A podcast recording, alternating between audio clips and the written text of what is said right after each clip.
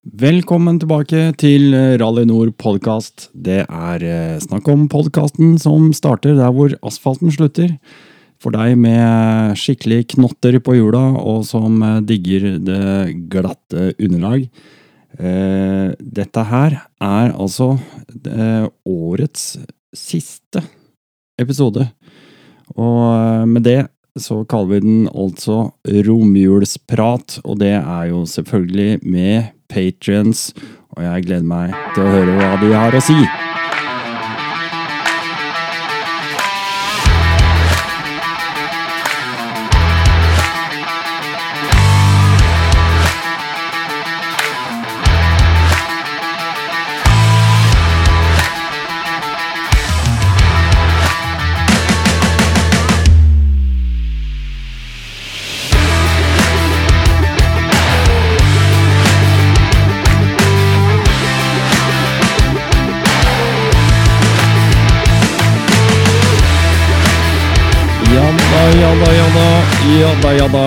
Da, ja da, ja da.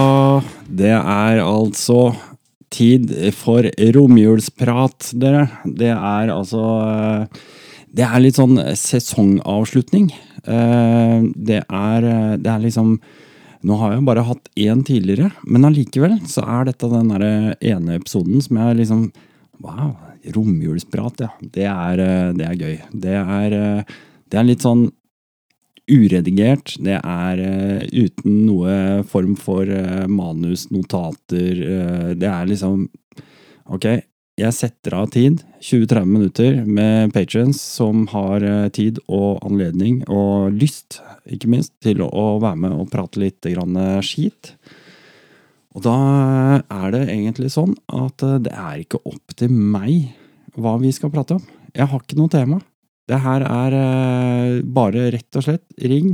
Eh, og så har jeg jo selvfølgelig oppfordra til at kan, eh, de må prøve å tenke på noe de har lyst til å snakke om. da. Men det kan også bare være ja, generelt skitprat, som det heter.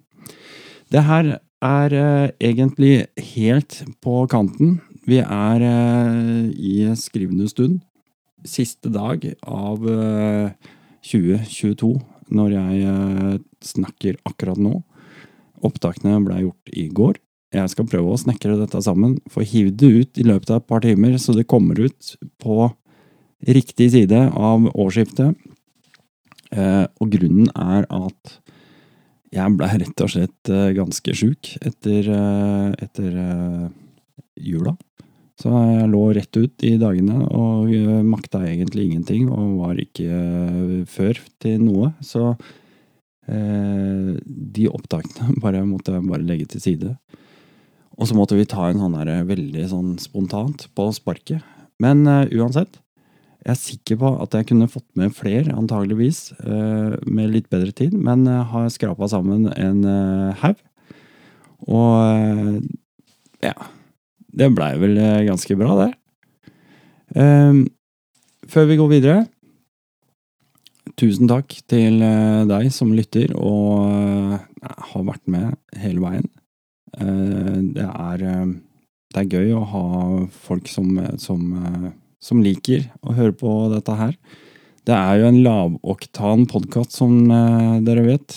Det er fritt fram for eh, masse feil og sludder. Dette her er ikke en eh, NRK-produksjon med de fineste detaljer og de beste folka. Det her er bare meg og prøve å representere Representere dere som, eh, som kjører rundt med knotter på hjula, liker adventure, liker å campe eller kjøre utfordre dere sjæl på andre type sånne saker. Um, ved siden av denne podkasten så driver jeg også nå og prøver å bygge opp en nettside. Jeg har skjønt at det, det her er jo helt håpløst. Jeg klarer ikke å samle alle disse trådene. Jeg har liksom begynt i alle retninger samtidig, og, og, liksom vanskelig. Jeg skjønner at det blir uoversiktlig. Det er uoversiktlig for meg selv, ikke minst. Uh, lettere å samle alt på et sted, så nå kan du gå inn, altså, på www.rallynor.no Og der finner du altså den informasjonen jeg har lagt til. Men uansett, mer om Rall Nord, eh, Overland Project and Podcast, som det egentlig heter. Og du finner alle episodene. Så det vil si at uh, du kan uh, faktisk uh, Med folk som, som er nervøse for dette med å laste ned apper og ikke skjønner hvordan de skal gjøre sånn, gå bare inn på www.rallynord.no. Gå inn på, på podkastene, og så laster du ned de direkte. Du bare trykker på, og så er det press play. Så enkelt har jeg altså blitt å følger Rallynord podkast. Jeg oppfordrer selvfølgelig alle som eh, ikke har gjort det ennå, til å hjelpe meg litt på veien. Bli en uh, patron. Alle disse linkene, alt sammen finner du på nettstedet. Er det noe du lurer på, send en mail. Det er så enkelt blitt. Og ja For å ikke snakke om RMP-treffet. Jeg regner med det er noen som kommer til å nevne RMP-treffet i denne episoden her, og de gleder seg, altså. Så ja. Det, det ligger an til at det blir, det blir helt konge. Men for å bli med på RMP, så bør du bli patron nå. Uh, og det er fordi at mye av det det er, det er, gratis å komme til RMP. Rett og slett. Så enkelt er det. Men nok om det. Jeg skal ikke mest for mye. Dette kan du finne mer ut om hvis du vil. Um, en annen sak som jeg kanskje bør nevne, da, uh, for å ha gjort det um, RNP Skal vi se, nå må jeg bare finne den her. Der. Hvis du går inn på, på Rally Nord, så er det noe som heter kalender. Og det er eh, litt sånn eh, artig at du kan gå inn der nå, og jeg prøver å oppdatere den så godt jeg bare klarer. Og der kan du finne en oversikt over treff og events som har med grus, adventure osv. å gjøre. Jeg prøver å oppdatere den så godt jeg kan hele tiden nå, med datoer, linker, eh, osv. Beskrivelser, om mulig. Der kan du gå inn, altså bare få en fullstendig oversikt. Og hvis det er noe du ser Oi, den her mangler. Send meg en melding, en mail eller et eller annet. Det er bare å klikke på eh, post at rallynord.no, for eksempel. Eller finn meg på sosiale medier. Send en melding og si at oi, det, det mangler, mangler treff i kalenderen din. Og den kalenderen den er åpen for alle. Det er jo kanskje noe av det jeg prøver, da. Skape noe for dette miljøet. Og jeg tror en sånn oversikt, det er, det er gull. Det er gull. Da kan du bare kaste deg på og planlegge. Helger, sommerferie, planlegge i forhold til og hvor er hva osv. Jeg prøver å legge inn steder også, hvis det er mulig. Så gå inn og sjekk ut nettsida, altså. Jeg anbefaler det. Jeg skal ikke oppholde deg lenger. Vi bare fyrer løs med altså førstemann i rekken av patrients som eh, er med nå i Patrients romjulsprat. Kjør lyd.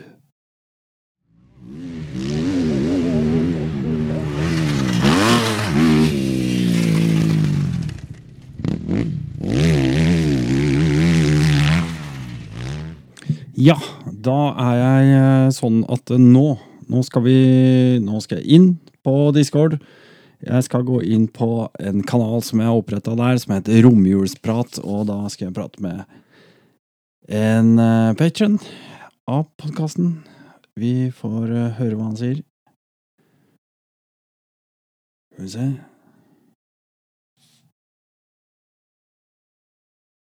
Hallo? Hello, hello, hello. Er jeg som uh, tøyser nå? Der, vet du. Hallo? Hallo, ja. Halla! Der hører du meg. Hallo. Eller nå hører jeg deg. Jeg veit ikke om du hørte meg hele tida. Jo, jeg hørte det, ja. Ja, det var bare, bare jeg som uh, ikke klarte å skru opp lyden her. Ja, det var ikke verst å få det der greiene her til å virke da, for første gang. Nei, jeg syns det er deilig. Du er jo selvfølgelig på opptak. Jeg er på opptak, jeg regner med det. Ja. Frode Johansen. uh, min uh, mhm. Ja, nei, ja, du ringer vel ikke uten å ha en mening med det, du? Nei, det er, mål uten mål uten mening, som regel. ja, det er jo akkurat det. Det er akkurat det. Men eh, Frode, kult at eh, du eh, faktisk kicker i gang ja, romjulsprat anno 2022. Um, altså, så har jeg fått æren av å være førstemann. Ja, du er førstemann. Det har vært litt kronglete å få til i år. Jeg følte at jeg ikke kom helt ut med, med liksom å få tak i folk. Og så selvfølgelig, når den datoen var satt opp, da smalt jo en sånn skikkelig forkjølelse inn. Så jeg blei jo bare sengeliggende isteden. Det var jo helt ubrukelig til noe som helst. Ja, Så Deilig jo deilig det i jula, å slappe av litt. Ja, så ja, liggende litt sånn i, i vater. Fikk sikkert fri fra jobben, da. Ja, fikk, eh, fikk et par, eh, par dager fri fra jobb og, og koste meg skikkelig. Bare lå rett ut. Ja. Det er fantastisk. Det er en kjekk måte å gjøre det på. Du, eh, Frode, jeg må bare si det. Eh, vi har jo etter hvert blitt eh, ganske gode venner. De som har fulgt med litt grann i podkasten, de veit jo åssen vi ble kjent en lang gang i tida. Eh, Ja. I 2020. Eh, og så må jeg si det. Du er altså øh, min første og lengst bevarte patron. Såpass, ja. Det er kult. Er det en premie for det? Uh, ja, ja. Jo, jo du, skal få, du skal få, skal få premie. Du skal få premie. Kom vel innom. Jeg har jo et par nye sykler da, som trenger å pyntes på litt. De skal få lov til å pynte seg litt. Eh, helt klart. Det ordner vi. Det ordner vi. Men eh, du, jeg setter av litt tid, til deg. Romjulsprat er jo å ta en sånn uh, liten runde med patrons. Uh, høre litt om uh, hva som skjer. Hva, hva er det dere tenker? Hva, har, hva skjedde, og hva er eh, nytt eh, for eh, neste år? Videre. Er det noe spesielt tema du har på hjertet, så kjør i gang, og bank løs. Jeg har jo litt på gang jeg, til neste år. Men jeg skal bare flytte meg herfra, da. Ja. Flytter deg derfra? Fra stolen din? Over, og, skal, du over, skal du legge deg ned på brisken? Ja, nå har jeg slappa litt på porselensstolen, så nå skal jeg bare flytte meg bort til favorittsofakroken min. Ja. For den, eh, for den observante lytter, så regner jeg med han fikk med seg det. Ja. Innrømmer litt, da. Ja, nei, men også, nå legger jeg meg godt til rette i kroken min. ja. Det er jo mine planer for i år. Da. Det er jo faktisk ikke så mange, mange dager, uker jeg har igjen av sofakroken i nyttår. Nei, for det at Som eh, kanskje, no, kanskje noen veit, så er jeg på flyttefot. Jeg mm, kom jo hjem igjen uh, i morges halv seks etter en kjøretur på 200 mil med litt sånn bilproblemer og kødd. ja. Jeg holder jo på å flytte til Finnmark.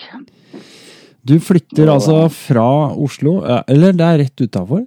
Eller er det innafor? Nittedal- rett Ja, utafor. ja, ja. Det er liksom steinkast innafor. Og så flytter du altså til Finnmark. Ja, Indre Billefjord i Finnmark. Ja. Så det blir jo spennende. Og det er ofte det gjør jeg fordi at eh, jeg har mulighet. Og jeg Mm. finner ut at det er det nå eller aldri. Mm. Og i den sammenheng så er det jo selvfølgelig mye sånn ja, motorsykkelinteresser med der, da. Ja. For eksempel jeg, jo, jeg var jo der i to måneder nå i sommer og testa ut og kjørt eh, på vidda da, rundt omkring. Alt som er av grusveier. og I Finnmark så er det ca. 700 km med barmarkstraseer og løyper rundt omkring. Så dem har jeg tenkt til å utforske litt enda mer da, enn det vi har gjort. Mm. Det er jo sommeren, også, så er det jo snøscooter og beltemotorsykkel selvfølgelig, om vinteren. Ja. Der på hustomta der, eller jeg kjøpte et småbruk der oppe, der kan jeg bare kle på meg inne. Gå ut, hoppe på scooteren, kjøre over eget jorde gjennom et lite skogholt, og så rett inn på lovlige scooterløyper, rett i fjeset. Så det blir fantastisk.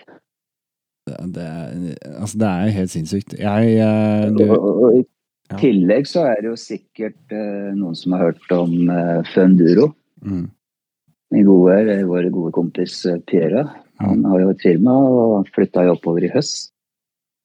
I den sammenheng da, så har, har jo jeg bestemt meg, eller fått lov av dem, og fått tilbud og bestemt meg på å bli partner der. Nei, det er skal- kult! Så vi skal drive Jeg har kjøpt en del av aksjene der, og så skal vi drive Funduro sammen. Da, jeg, Piera og, og dama hans eh, Christiane. Faen, det var kult! Så det er jo satsing der. i det, Og i den sammenheng da, så har jeg akkurat flytta oppover to flett nye huskverna motorsykler. Den ene 350 har 0,0 km på telleren nå. Og 450 har, eh, den har 50 meter av den har kjørt bort til postkassa og så tilbake igjen. Så jeg lasta den inn i bilen. Så de står klar og venter nå i huset der oppe, da. Ja. Som er rigga til. Og det er rigga såpass at uh, i kjell, det tre kjellerrom der. Ja. ene med sluk, altså var et tomt kjellerrom, betongkjeller med sluk, ja, det kan bli en fin vaskeplass. Mm. Rommet utafor kan bli en fin eh, sykkelgarasje, nekkverksted, med dør rett ut. Og så jeg kan sitte oppe i stua mi, gå ned, tatt med, eller har tatt med tøfla, og så bare tasse ned trappa, og så der står sykkelen aleine. Så det blir ganske deilig. Det er rått, ass. Du har jo vært her, da. Her måtte jeg faktisk gå seks meter over gårdsplassen og inn i garasjen for å komme dit. Ja, det er jo skam. Måtte ta på meg utesko og kanskje jakke, ikke sant, hvis det var, ikke hadde fylt opp der. Nå tas vi ned i shorts, T-skjorte og tøfler. Varm kjeller. Ja, det er helt sinnssykt. Det skal Eh, bli, det skal bli fint. Og så tar vi det jo derifra da, med planer. Det er jo selvfølgelig, Vi håper på at det kommer får noen kunder oppover. Og i den sammenheng så leker jeg med masse tanker. da. Jeg har jo vært hos Morten RMP-treff i 22. 23 er jo godt planlagt, men det kunne jo vært artig å ha et RMP-treff en gang i framtida i Finnmark. da.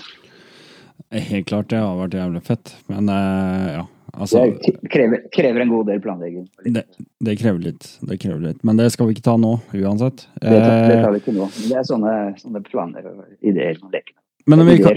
Men vi kan nevne det, da, når det gjelder akkurat sånn planlegging nå, så, så er det jo sånn at uh, for de lytterne som går inn på nettsiden uh, til rallynord.no, så ligger det under Rallynord kalender. Der uh, driver jeg nå og skraper sammen en større oversikt over alle treff og events som er skal vi si adventure uh, ja, adventure offroad relatert. Så Ja, okay, så ikke, ikke, ikke bare RNT? ikke bare, det er, altså, Den er åpen for absolutt alt og alle å gå inn og se på. og Den er veldig, den tror jeg håper kan bli veldig bra. Så, men jeg trenger hjelp fra lyttere og jeg trenger hjelp fra folk eh, generelt å sende meg tips. Og eventuelt linker, beskrivelser og datoer til eh, treff de mener hører med i den lista. Så skal jeg få lagt det inn. Og det, det blir et veldig fint verktøy for alle som har lyst til å bare gå inn, planlegge helga, eller planlegge sommeren, eller generelt hele sesongen sin. Gå inn der og skaffe en grei oversikt, så skal jeg prøve å få rydda av det så godt som mulig, i hvert fall. Til at eh, alle kan bruke den. Ja, det er jo interessant, da, for da går det an å ha ett samla sted, på en måte, hvis jeg skjønner rett. Ja. Du kan gå inn der og kikke. Ja, og den er offentlig, så det er bare å gå inn og kikke. Ja, for det blir jo litt sånn når jeg kommer opp til nord, da, så er det jo det er en dødperiode der, da. Som er faktisk Det er jo kanskje vært eh, tida der oppe, da, som mitt hode, da. Det er jo fra 4. mai til 30. juni. Mm. Og da skjer, da skjer jo veldig mye her nede, da. Ja. For det er jo en av de beste periodene her på våren, ikke sant. Når eh, skauen og snøen er borte, grusveier er tørka opp og det, der oppe så er det jo noe som heter reindrift. da. Riktig. Og de, de stenger jo fjellet og all eh, utmarkskjøring da fra 4. mai, selv om det er den mest fantastiske scootersesongen. her, Men det, det er jo varmt og lyst og fint. Men eh, da stenger den, for da skal de flytte flokker rundt omkring. Oh, ja. Og da smelter snøen, og så er det jo ikke da lov å benytte seg av barmarksløypetraseen før 1. juli. da. Så de har tatt hevd da på hele mai-juni der. Mm. Det betyr at da får man jo ikke beveget seg da, med våre interesser. da. Ut i skog og mark og på sykkel og scooter og det som er. Nei. Da tenker jeg da, bare laster jeg bare opp eh, Det gjør selvfølgelig hvordan det passer med jobb. da, Vi er fortsatt i samme jobb. Jeg ser også, så ja, Det kan jo godt hende at det passer å være her på Østlandet da, en måned, eller eh, de to månedene. Mm. Ja. Kombinere det med, ja, med sykkelkjøring og det som finnes av muligheter å treffe her. da. Så Mm. Da kan det være greit å ha en kalender. da. Ja. Nei, det er, eh, det er i hvert fall eh, planen. Eh, Den planen er veldig godt i gang, altså. Så jeg har allerede fått inn en del. Men jeg, jeg får stadig inn Håper jeg kan stadig få inn nye tips og legge inn mer og mer etter hvert. Så skal vi få stappa den kalenderen så hardt som mulig. Og så kan folk bare velge og vrake og forhåpentligvis da alle landsdeler og hvor som helst i Også i Sverige, faktisk.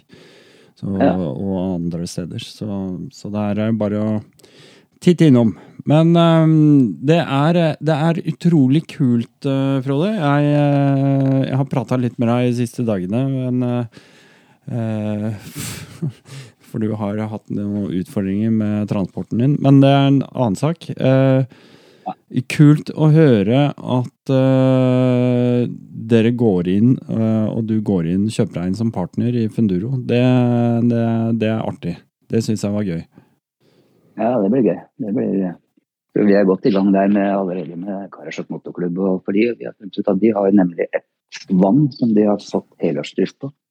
Den bruker de bare til, til watercross da, om sommeren. Ja. Altså snøscooterkjøring på vann. Men der eh, kontaktene og se på muligheten for å få brøyta en isbane der. Ah, tøft. Så vi kan pigge opp noen sykler og kjøre omtrent samme løp som vi drev med i Valdres i fjor. Da. Ja, for det var, eh, det var stilig.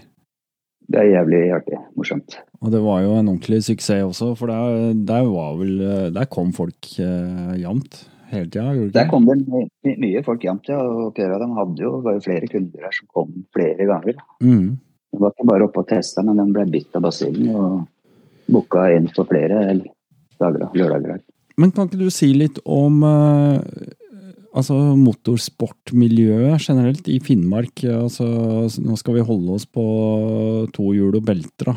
Men eh, du, du Kan ikke du si litt om det for oss som eh, kanskje er Jo, det- på jo, er- sydligere breddegrader? det er ganske stort. For det Mm. første så er det jo litt friere, litt enklere å drive med det der oppe. Mm.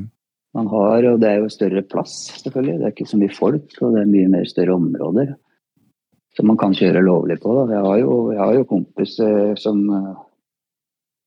som driver med, med snowcross da, Mm. der oppe. Han, han, han lager et opplegg nå for et talent fra ja, mellom Karasjok og Tana. Tor David Rasmus, en 15-åring, som Mhm. skal til USA og kjøre nå i januar. Den flyr over nå første uka. Mm. Der har jo han eh, Jonstad-kompisen, han eh, har jo massevis av kontakter og med scooterracing. Selvfølgelig, så han eh, Det er jo sånn på med belter, da. Snowcrossen. Han har en frisk datter på hun er vel 12-13 år. 12 år. Mm. Så han har fått seg en eh, crossykkel nå for å kjøre motocross i Lakselv. Du har mot motocrossbane i Lakselv, du har i Karasjok, du har i Tana. Pluss mange private rundt omkring på jordene. Selvfølgelig tomta mi òg, på 102 mål. Der kommer jo garantert et endurospor. Ja, for du har en sånn liten hageflekk. En liten bakhage på over 100 mål. Så, så det er jo en skråning, litt skog, og ja, det er vel det er 16 mål med dyrka mark der av jordet, da, som gress. Som jeg bykla bort til en bonde i Ja. Gjør en avtale med bretting opp og greier. Men det går jo fint med å kjøre rundt de der 16 måla, da. For det, er, det krever bare litt jobb med motorsaga og rydde opp under sti og det er litt sånn. Jeg er masse bilder, masse ville planer i hodet der. Men det kommer vel etter hvert, sikkert. Ja, for du kan gå litt amok der. Det, er, det, det høres i hvert fall sånn Hadde huet mitt vært satt inn i den settingen der, så hadde det i hvert fall kverna 24 timer i døgnet. Helt garantert. Ja, jeg har egentlig begynt å innse det, da. Det var litt sånn halvimpulsivt kjøpt, det der, da. Ja. Vi har jo en familiegård oppi her. Jeg har egentlig sett etter en hytte-fritidsbolig oppi der, da. Mm. siste par åra, men uh, så dukka det småbruket opp, og så faen, tenkte jeg Jeg var jo, bor aleine i huset her i Nittedal, og her har jeg nesten ikke vært. Jeg har færre netter her enn noen andre plass i Norge, og så jentungen flytta ut og i sommer. Men hva faen skal jeg med hus her? Mm. Ja. Jeg bare innom her og skifter, og hver gang jeg er innom her, så ser jeg det vedlikeholdet som uh, skulle ha vært gjort. Men så snur jeg bare fort rundt og pakker bilen og reiser, ikke sant. Ja. Enten med motorsykkel eller på tur et eller annet sted. Orker Mm. ikke. Så greia der oppe er jo ja, selvfølgelig gammelt hus. og I begynnelsen tenkte jeg ja, det blir jo deilig å få roen og bare vekk herfra, opp dit og bare kose seg. Mm. Men jeg skjønner, skjønner jo da at det begynner å Sånn som med huene våre her, da. Det kverner jo masse ideer, da. Så, da begynner jeg å bli litt bekymra for hva får jeg egentlig tid til? Hva rekker jeg? Hva? Ja, jeg tror jeg, Jeg skal ikke hjelpe deg, eller jeg veit ikke om jeg hjelper deg noe på vei, men jeg tror det er veldig viktig for deg altså, rett og slett skrive ned og gjøre egne notater og, og prøve å forme planen. Istedenfor at Ja. man bare det, Eller så blir det litt som å pusse opp et helt hus, da, og så begynner du å rive ut dørkarmer i, overalt og rive ned. Og til slutt så står du i et fullstendig nedrevet hus, og så veit du ikke hvor du skal begynne å pusse opp igjen. Nei, det var litt sånn med huset jeg bor i nå, da. Det var jo Det var sånn når jeg kjøpte det. Mm. Og det, det tok jo lang tid, men nå har jeg bestemt meg, og der bare prioriterer jeg ett og ett rom. Det Ja. viktigste først. Så Ja. Også, jeg, skal ikke, jeg skal ikke låse meg opp, binde meg opp til at du må stå og faen meg pusse opp hus istedenfor å være ute i fjellet og i skogen og le, leke. Da. Det, er det, det er derfor jeg flytter, og da, da skal det være pri igjen. Mm. Og det skal ikke være noe sånn der fancy, fancy superdagens farger og stil. Det er jeg ikke opptatt av i det hele tatt. Jeg skal kun opptatt av at det skal virke Mm. og være beboelig. Nei, I den sammenheng så er det jo selvfølgelig Det er jo masse soveplasser her. Det er fire-fem soverom der nå. mm. ene blir vel borte nede, tenker jeg. Blir en sånn spisestue. Er Plass til flere. Og i den sammenhengen så kan jeg jo herved altså bare RNP, patrons, hvis dere er i Finnmark, kom til Vestre Porsangerveien 3224 i Indre Billefjord. Så skal dere få opphold gratis og masse kos der på gården. Ah, fy faen. Ja, jeg, jeg, har begynt, jeg har begynt å sjekke prisene på flybilletter allerede, du veit det. Du, du, du har gjort det? da? Ja, ja. Det er ikke så gærent, skjønner du. Nei, det er ikke det. Det er faktisk Nei. ikke så gærent. å Fly til Alta sjekka nå i om det var i januar eller februar en eller annen gang. Så tur-retur eh, med noen dagers opphold og sånn, da, så er det sø- 1700-1800 kroner. Ja, ja. Det er nå, SAS flyr jo direkte til Lakselva mandag og fredag. Ja. Så jeg kjøpte jo billett, det var jo bare for en liten uke siden. Mm, 2. januar mm, I Pierre Ané for å hente bil og et flyttelass. mm. Og da betaler jeg 2000 kroner da, med SAS direkte fra Lakselv til Gardermoen. Det, jeg syns ikke det er gærent. da. Nei. Nei. Planlegger man litt, så, så kan man få det til de prisene du snakker om. da. Da må dere sjekke ut det, folkens. Jeg mener det helt seriøst. Gå inn på funduro.no, sjekk ut litt grann der, og bli kjent med, med det tilbudet. Og så er jo Frode nå eh, fersk medeier, så jeg regner med at kursen og ting blir staka ut eh, etter hvert. Men dette her er eh, hmm, Dette her bør, eh, bør folk eh, teste ut, altså. Dette Ja, man må. ja. For jeg tenker at det fins ikke Jeg var jo en liten til tre dager i fjor. Og kjørte med Pierre og André, og de, jeg rakk på tre dager, det var jo ikke Og det var nok. Jeg ble helt bitt. Ja. I år bestemte jeg meg for å hjelpe Pierre. Da være ja, hjelpegutt, bare. Ja. Han var jo aleine mesteparten av tida med, med dama si. da. Og partneren var litt ustabil, han Dile, som var Mm. forrige. Så han var opptatt, og så sa jeg greit, jeg skal hjelpe deg. Så jeg, ja, ja, han hadde ikke noe penger å tilby. Nei, nei, jeg skal ikke ha noen ting. Jeg skal bare ha Ja, du må hjelpe meg med, med overnatting. Første uka, andre to uker, og så tar jeg resten. Det ordner vi. Og så eneste jeg skal, jeg skal bare være med, ha tilgang til å se og leve det livet der i to måneder. Det gjorde vi. Mm. Og etter det så er jeg jo ganske så sikker. Dette her, dette må vi bare få til. Ja, ja. Nei, det er gøy, ass. Veldig Ja. gøy. Veldig gøy. Og Det blir artig. ja. Jeg gleder meg veldig til å se dere der oppe. Jeg må jo bare si det sånn.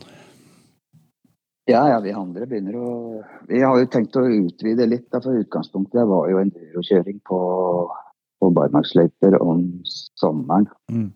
Han har jo lekt med tanken og sommersesongen der, så i og med at den er ikke åpnet til 1. juli, så har du juli-august.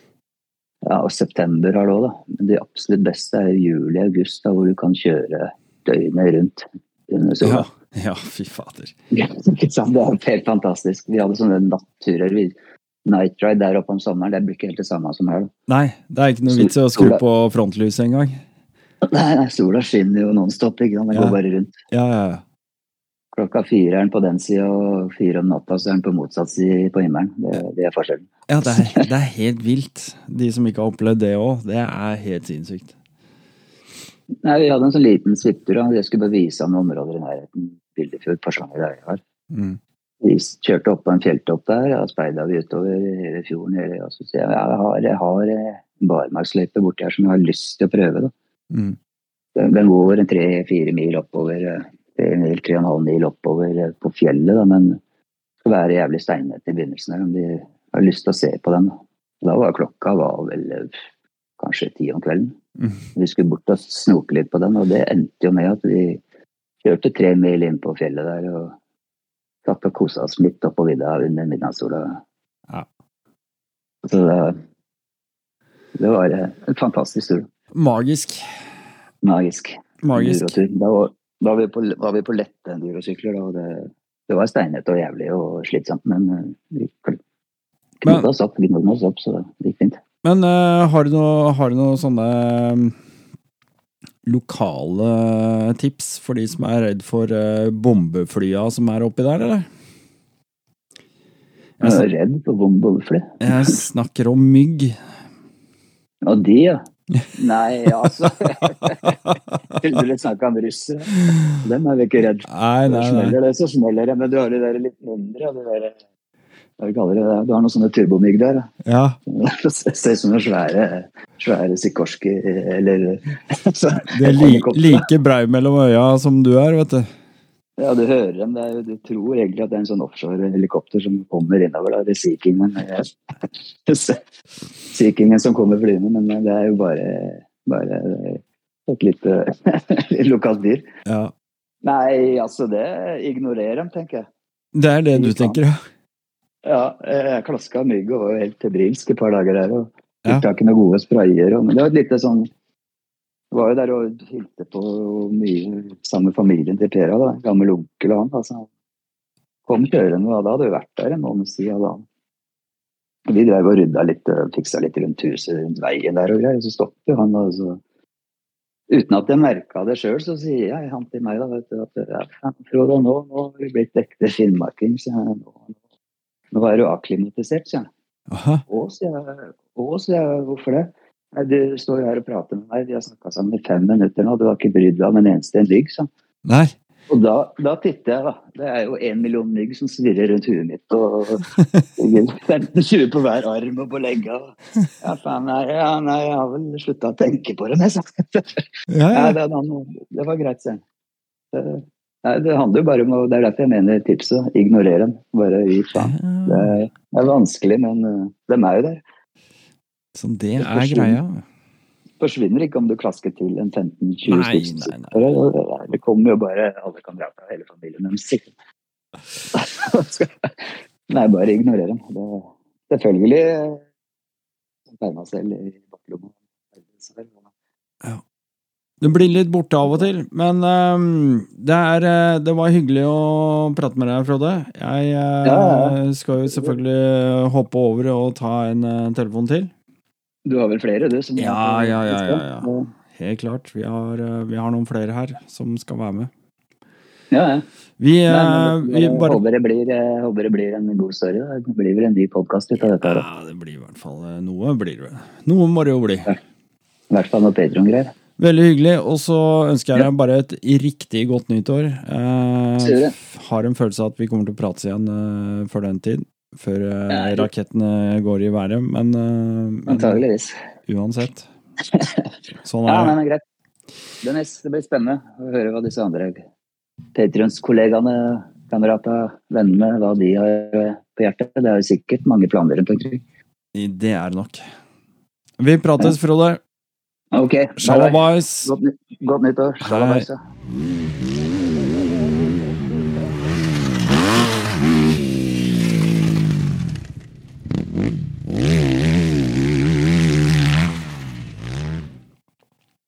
Da er jeg på vei inn igjen. Da er vi Skal vi se om det er noen her nå.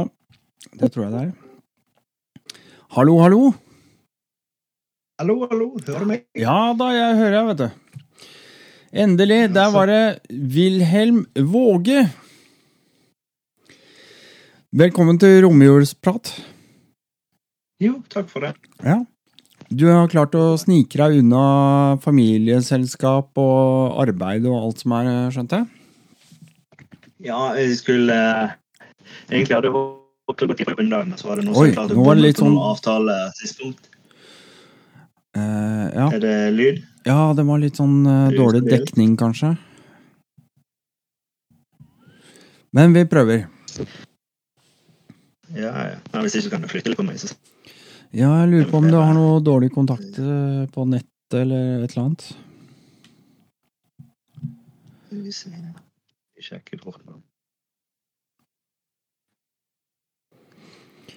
Det er jo sånne ting som er eh, essensielt i en podkast, er at man hører hva som blir sagt. Yes. Ja, ja. Er jeg i for det. Altså, jeg meg til det. Eh, Dette hjelper ingenting. Nei, nei, men det Blir eh, eh, eh. Da.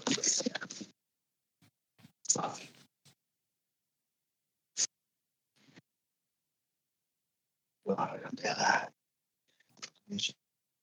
det noe nå. Ble det noe bedre enn fortsatt? Ja, jeg vet ikke. Nei, nei, men da flytter jeg lokasjon. Jeg tror rett og slett du må bare gjøre det, altså. Ja, ja.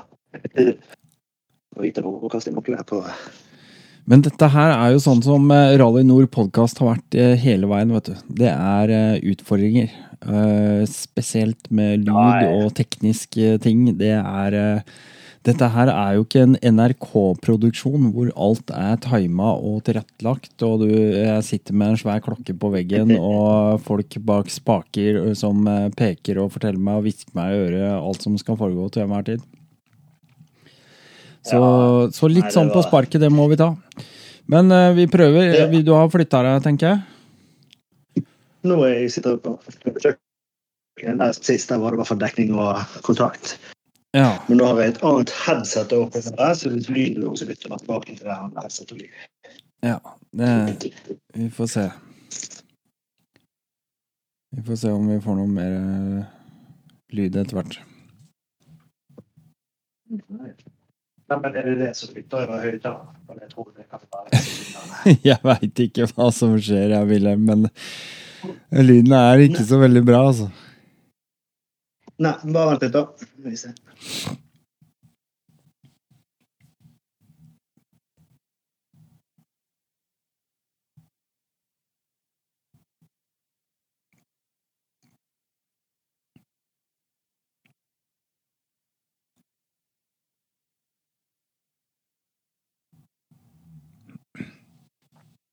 Er du her?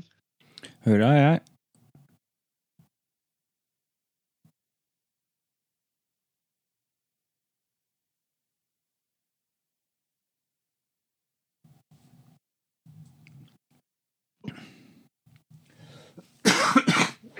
Kan vi se her? Hva sa du? Er du her? Ja, nå er jeg her, vet du. Ja, ble det bedre nå, eller? Ja, det høres bedre ut uh, foreløpig, i hvert fall. Ja. Det. Du, vet du hva? Jeg bare klipper bort eh, alt det første. Jeg kaster meg inn i en uh, ny intro. Uh, velkommen til uh, romjulsprat, Wilhelm Våge. Takk for det. Jo, det er ikke så lenge siden du var med på en episode.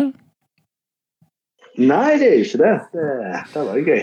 Det var selv. Ja, for den, den også bare blei litt sånn eh, spontant til, egentlig, med at vi møttes på dette, denne plattformen som, eh, som vi har i Rally Nord her, som er en sånn Patron-plattform, som, som er en Discord-server.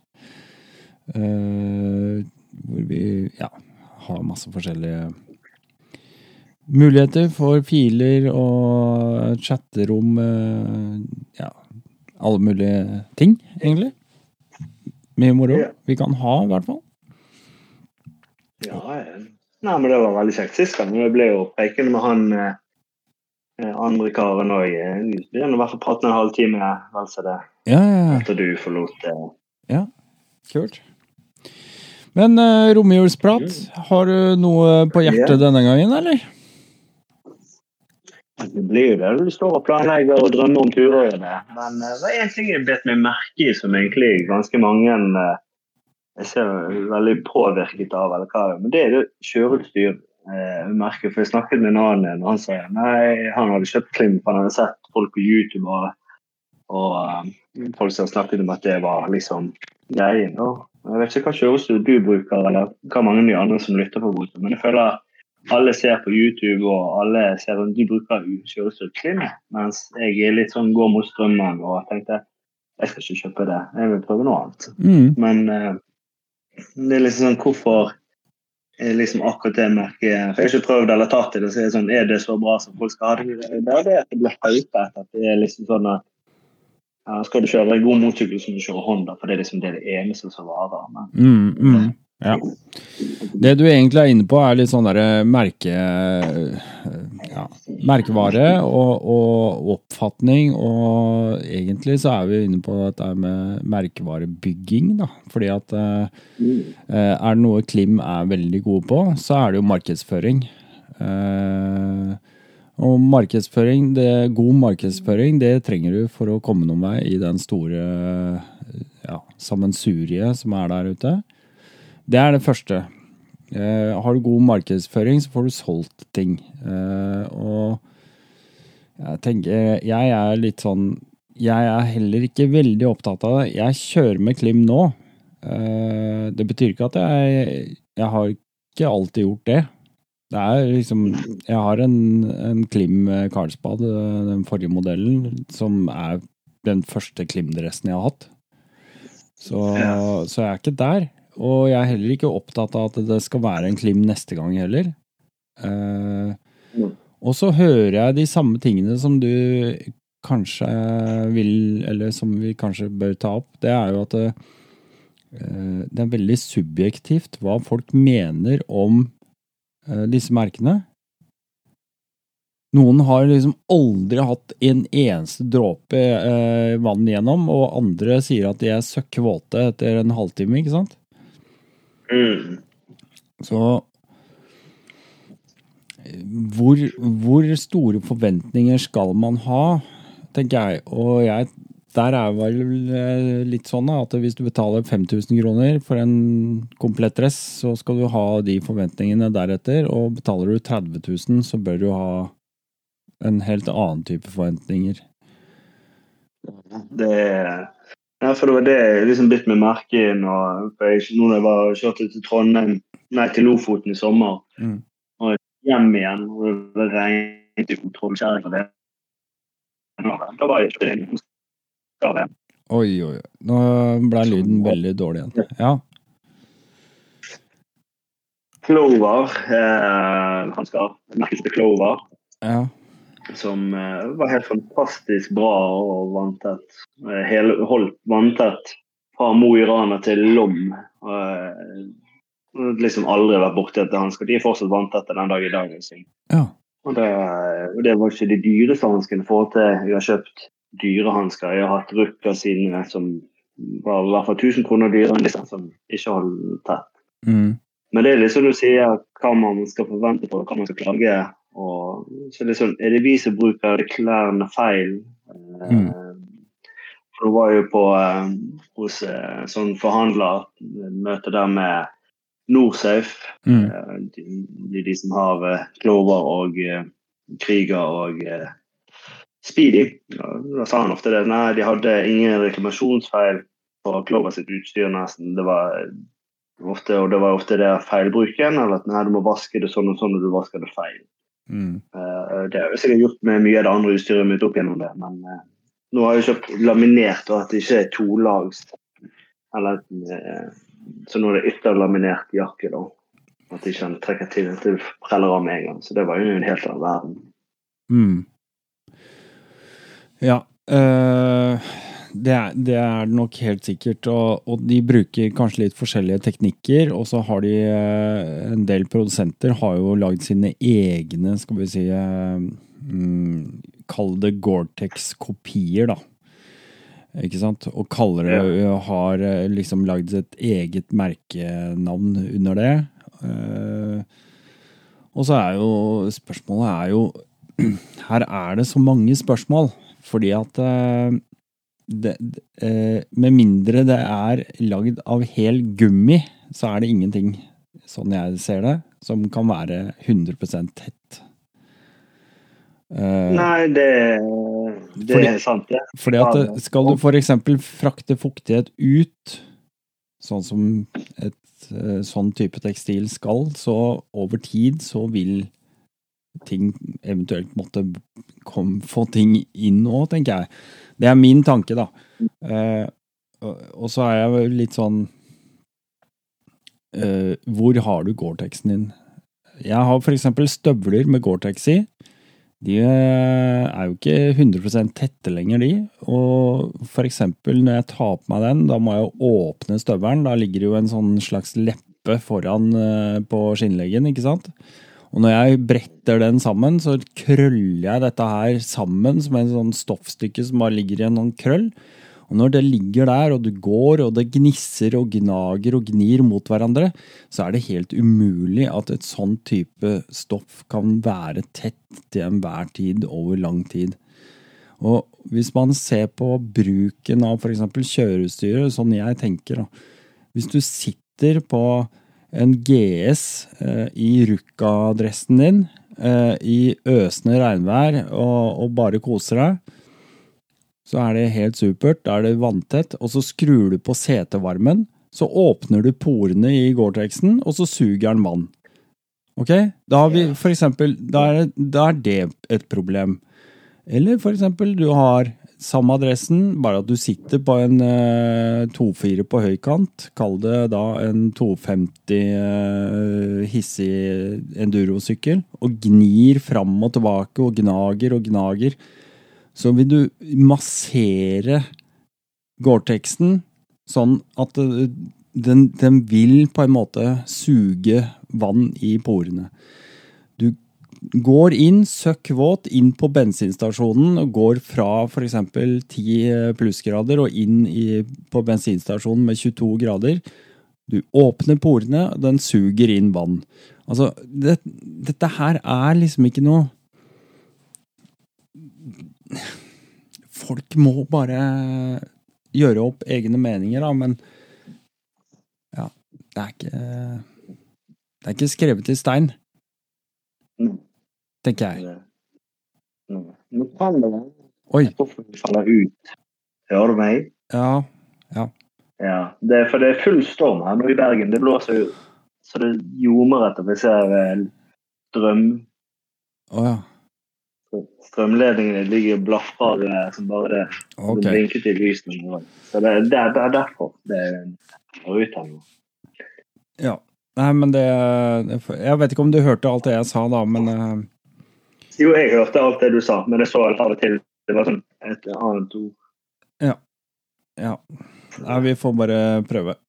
Vi får uh, Ja da, jeg har hørt det klart og tydelig, så du får bare si hvis du skjønner meg, så får alle gjenta meg. Ja. Nei, jeg vet ikke om du har noen tanker rundt det jeg snakka om nå, da, eller det jeg sa til deg. Uh, Jo, det er jo så vidt det. For jeg har jo en sånn speedy-reindress som jeg har sverget til i de siste 15 årene. Mm. Eh, så jeg ene bruker til og fra jobb og til daglig. For den holder ca. et år, to, så lekker, så lekker den i løpet av året. Mens den bruker kun på tur, det holder mye lenger pga.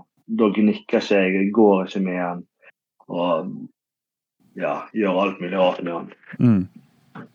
Og da har den lengre levetiden sånn sett. Men uh, jeg merker selv på de eh, Men det er derfor jeg nå har gått over til laminert utstyr for å ha noe som er mer Tåler det mer. Mm. Sånn, betalt mer for utstyr. Men da er liksom denne evige Det blir også liksom, hva er de beste dekkene? Sånn. Du kan jo stå i den diskusjonen til du griner. Ja. Eh, alle har jo forskjellige meninger, men jeg føler liksom at på klærne så er det sånn eh, Når du ser folk som snakker på YouTube, og det, så er liksom Klim det står klistret i hver eneste bruker. Mm. Og skjønner jo hvorfor, for det, hvis det er så bra som vi skal til, og alt det der. Men det er sånn det er ikke alle som har råd til det, men å finne andre utstyr, sånn som nå jeg fant Clover, som jeg klarte å betale for og var fornøyd med i forhold til den prisklassen, så var jeg sånn at shit. Det var en helt annen verden på til det jeg har hatt før. Mm. Så da blir det en Det er liksom opp og ned, men jeg er ikke helt der på at jeg har lyst til å bruke så mye penger som noen av de klimdraktene, og det koster det. Sånn, jeg er ikke helt der ennå.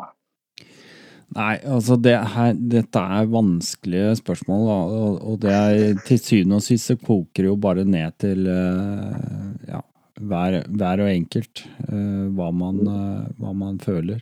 Dette her er jo dette er et spørsmål om uh, hva slags uh, eksempel beskyttelsesgrad har dette? Er det noe tilleggsutstyr? Er det noen kraver? Er det liksom ting du kan Lufting, altså det er, det er så mye, da. Ja. Glidelåser, ikke sant. Det er mye Ja, det er en helt sånn der ja. Nei, det er, det er liksom som alt. Og det eneste jeg merka nå, var eh, i sannhet, det var glidelås på lårene. For når det var liksom over 22 varmegrader, så var jeg relativt klam på beina. Mm. Bare for noe. Luftkjølt motor som blåser varm luft på deg i tillegg, så er du godt marinert når du kommer frem til campingen. Ja, ja, ja. Men, eh, Nei, men eh, du er fornøyd med Clover-dressen din? ja, det er veldig, veldig fornøyd så langt. Ja. Så nå Er det en sånn tolags eller trelags, eller hva er det? Nei, det er jo ytterlaminert jakke, og så er det innav eh, sånn vaffeljakke Ja, ja. under. Ok, sånn avtagbar eh, eller uttagbar innjakke? Ja, det samme med buksa. Ja.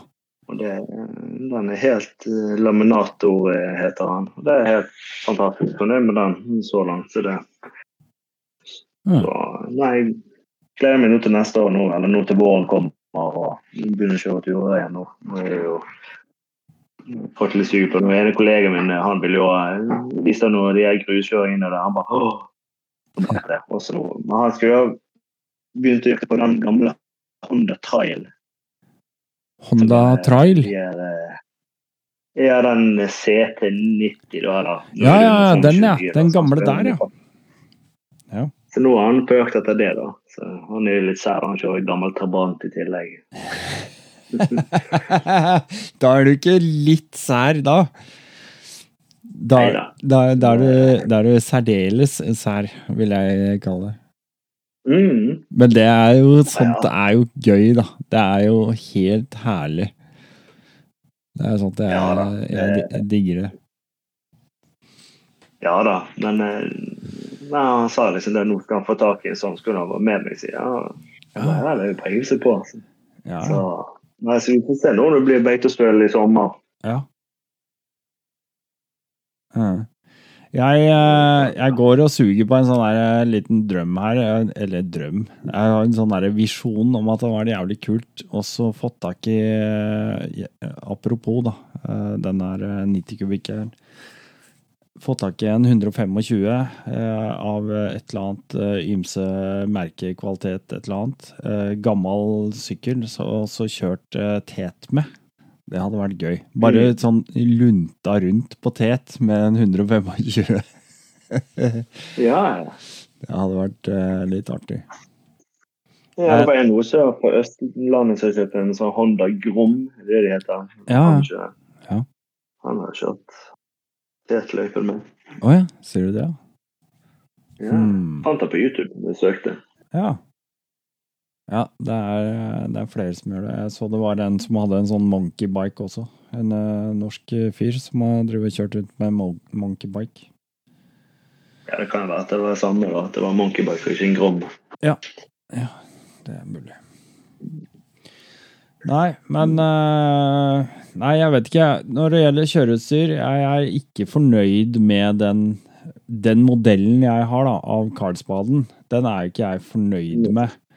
Eh, jeg, har, jeg har prøvd å ta vare på den. Nå er det fullt av høl overalt, for jeg har tryna litt og skrubba opp her og der, og sånn, så den begynner å bli sliten. Men jeg er en sånn jeg er ve ve veldig bevisst på det at eh, ethvert kjøreutstyr du kjøper, er en slitedel, da. Mm. Ikke sant? Så liksom, hvor mye skal jeg forvente ut av en kjøredress som jeg eh, liksom behandler sånn som jeg gjør? Jeg Riktignok så vasker jeg den etter de eh, sånn som jeg skal og, og sånt noe, det er greit, men men du, den blir jo behandla. Det er vær, det er vind, det er slitasje. Du sitter, du tryner, du sitter på knæra. Altså, du bøyer og tøyer og, og drar i ting. Eh, og, og, og kjøredresser blir slitt. Eh, så hvor, hvor går grensa for hva jeg skal forvente eh, av levetid? Og da er jo spørsmålet hva slags kjøring blir det her brukt til? Sitter jeg bare på motorvei, eller sitter jeg faktisk og, og sliter i sand? Tenk deg du er ute på tur, og du eh, ene dagen så ligger du i støvet av eh, kompisen din, og, og bare du blir dritmøkkete, og dagen etter regner det, og så kommer det varme, og så trekker du ting inn i dressen. Det er så mange variabler. Så med mindre Ja, du har en rein gummidress, så er det liksom Ja. Ja, det er det som er utfordringen med det. Du får, i hvert fall går på trynet, så er det jo det at du må kjøpe en dress til 10-20 hva det måtte koste. Så er sånn, Første turen ut og kjører, så går du på trynet i grusveien, så er det sånn Ja, nå lekker det. er sånn, Mm. Da kan du heller kjøpe en bukse og jakke til 5000, 10 000. Var det sånn opp til 10 000, så vet du i hvert fall da er- har du i hvert fall ikke brent av hele økonomien din på den. hvis de Ja. Men da er det mer det sportsturen eller asfaltkjøring. Da kan det være mer fisefint, tenker jeg. Men hvis du er i mer eh, område der du vet at du kommer til å ligge og flyte litt eller krafse litt i en kratt eller stein, og den, så eh, tenker jeg at det er heller sikkerhetsutstyr, og så får du det blir litt på, så får du heller bite det i deg eller ja. impregnere deg. Nei, altså jeg eh, Jeg vet ikke, det er mange måter å se det på. Og, og liksom har du penger til det, så, så er det kanskje ikke noe du gidder å tenke over heller. Eh, og så Min sønn han begynte å kjøre lettsykkel i fjor, og, eller tidligere i vår, men han begynte for lenge siden. Men han fikk lappen sjøl, og da gikk han og kjøpte seg Han brukte hele første lønna si på å kjøpe seg Klim-dress. Altså Mm. til type 25 000-28 000, eller hva det kosta. Den derre Jeg husker ikke, den derre versting ba, Versting eh, Er det Altså, ba, Badlands, Badlands Pro, eller hva det heter for noe? Altså totalt verst. Og så liksom sende ut en 16-åring, 17-åring til å, å liksom bruke penga sine på å kjøpe en sånn dress. Uh, det er jo sånn Ja, det høres jo helt idiotisk ut, men samtidig, for meg, da, eh, sett i mitt perspektiv som forelder, så er jeg opptatt av sikkerhet. Jeg er opptatt Mm. av at eh, liksom han ikke mister en kvadratmeter med hud fordi han sklir bortover et eller annet, eller at for f.eks. Uh, innleggene, beskyttelsesinnlegg og sånn, er av den beste kvaliteten. At uh, jakka sitter på kroppen sånn som man skal. At det er innstramninger, at det er justerbart, at det er muligheter for hit og ditt og datt. Uh, altså alle de tingene som er med å påvirke. altså Kroppen blir påvirka av ytre påkjenninger hele tiden. Og, og, for meg da, at han bruker hele lønna si på en sånn dress, det er greit. For jeg veit at han kommer til å ha den lenge. Og samtidig så vet jeg at han er på en måte kledd best mulig, da. Jo, men det er akkurat det jeg er med på det. Når jeg var, fikk uh, lett sykkel og sånn, så tror jeg det var min mor måtte, det var liksom, Skal du kjøre sykkel, så skal du i hvert fall ha jakke og bukse. Jeg jeg har hjelm. Mm. Altså, det, de som tar, Noen klart å tvinge på meg det. Skal du ha disse nøklene, så skal du kjøpe kjørerett. Da var det liksom finne det billigste så det da. Mens i dag nå Jeg har gått på trynet et par ganger og, og vet konsekvensene med å være handikappet. Så er det sånn I dag er det ikke noe problem. Og jeg ser den Jeg hadde sikkert vært stolt sjøl hvis mine barn hadde kjøpt en dress som var dyr, og det bare så tenkte jeg at du vet at du klarer å ta vare på den, så kan du heller hjelpe til i fremtiden hvis du skal være med, for du vet at de enten har klare til å ta vare på det, og de trenger brukerhode. Ja, og så bare Hvis du vrenger på et Hvis du skal se det fra en annen side også, da, så er det sånn derre Vet du hva, hvis guttungen min syns at han ser kul ut, og han fordi han vet at han har liksom den verste dressen du kan få kjøpt liksom for penger, Mm. så er det helt greit. Ja. For, eh, altså, Men det er jo verre hvis det bare på motedel, da. At det blir nei, nei, nei, ja, og, men nå var jo dette her ensbetydende Nå lå det litt implisitt i det, at jeg vet at det er- også en av de bedre dressene, da, hvis det skjer noe, ikke sant? Ja. Og den tåler jo øh, en skrubb. Altså, jeg har jo sett noen dresser. Du sklir jo flere meter bortover asfalten uten at det nesten er antydning til slitasje. Ja. Det er Det er liksom det som er for du betaler for. Så ja. Nei, men jeg regner med at alle har, alle, alle har jo sine oppfatninger av dette her. Og, og det temaet er jo stort. Jeg tror passformer og sånn er jo ting som eh, folk må være litt opptatt av. Jeg må jo innrømme det, jeg er ikke fornøyd, som jeg sa, med den eh, karlsbaden jeg har. Og det er jo bare fordi når jeg kjøpte den, så skulle jeg Jeg, jeg, jeg likte Carlsbaden fordi at den hadde en sånn tolags uh, Gore-Tex. Uh, og den er litt sånn mykere, litt lettere og, og smidigere å ha på, på en måte. Den føles mer luftig. Eh, og prøvde den, og jo, denne her var bra, denne er bra, og passer i lengden og passer rundt livet og alt dette her. Og så kjøper jeg, og så kjører jeg, så Plutselig så står jeg liksom og og- Det er gått en del uker, da, så jeg har ikke lagt merke til det, men faen. Skulderbeskytterne, de, de ligger ikke liksom der hvor jeg har skuldra mi. De ligger liksom litt sånn bakpå. Så jeg bare Og der er det ikke noe reguleringsmulighet. Så, og dermed så oppdager jeg at hm, den her, den er jo Den passformen her er jo ikke bra for meg. Jeg burde jo hatt en helt annen jakke, eller kjøre med brynje, da, eventuelt. Men eh, Så sånne ting er litt viktig å tenke over. Ja, det var litt sånn når jeg kjøpte den der eh, ryggskinn med sånn nyrebelte, og så fikk jeg anbefalt at jeg måtte ha Ja, du må ha large eller XL. Ja. For det, jeg, sa, jeg sa hvor høy jeg var, men jeg er jo lengre i beina enn jeg er i overkroppen. Så da fikk jeg den der eh, ryggbeskytteren. Den stakk meg enten i eh, vel helt bak i Ja. hodet, eller så satt den i setet, sånn at jeg liksom ikke Ja. satt behagelig. Ja, riktig. Ja, Det var jo ikke billig en heller. Sant? Det var jo dyr. Og Mm. God, men perfekt når du står. Men du kan ikke stå i all evighet når du kjører. Nei, det og hvis en sånn beskytter ikke er, eh, er riktig for deg, så er det ikke sikkert han gjør eh, nytta si når du har bruk for den heller. Nei, det kan nok være òg, ja. Du får når han liksom klarer å stikke opp mellom hjelmen og opp i nakken, så kan det være at det blir farlig opp for den som skyter. Ja, det er, det er akkurat det. Det er akkurat det. Mm. Nei, men det er, eh, det er eh, bra. Da har jeg fått eh, avduket et tema. Eh, Jeg kan jo nevne det at mens vi snakker om kjøreutstyr Sist jeg prata med noen på podkasten om kjøreutstyr, så var vel det med Doreen lampe.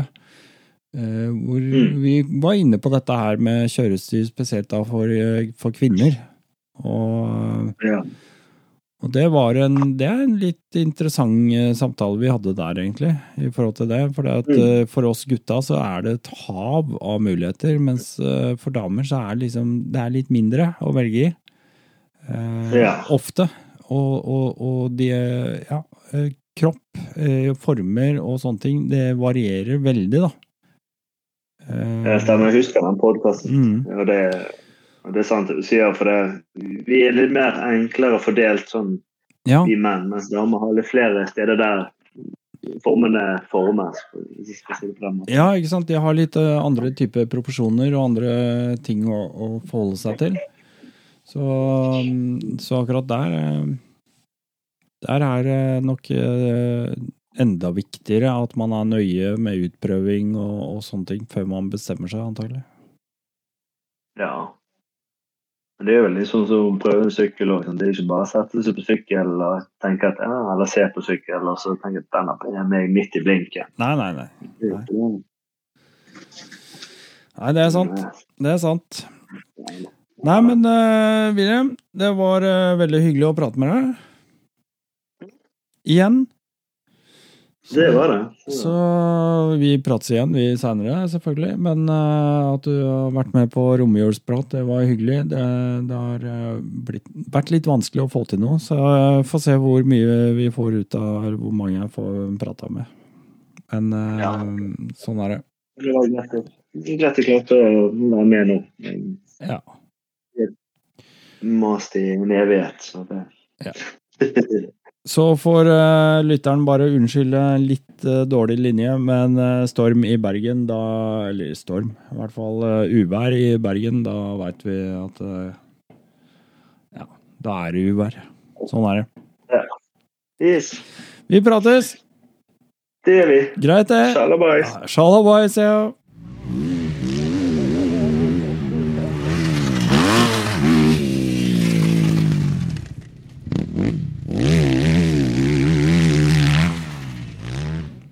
Ja, da er atter klar her inne på Discord Uh, i chatterommet som jeg har oppretta, som rett og slett bare heter Romjulsprat.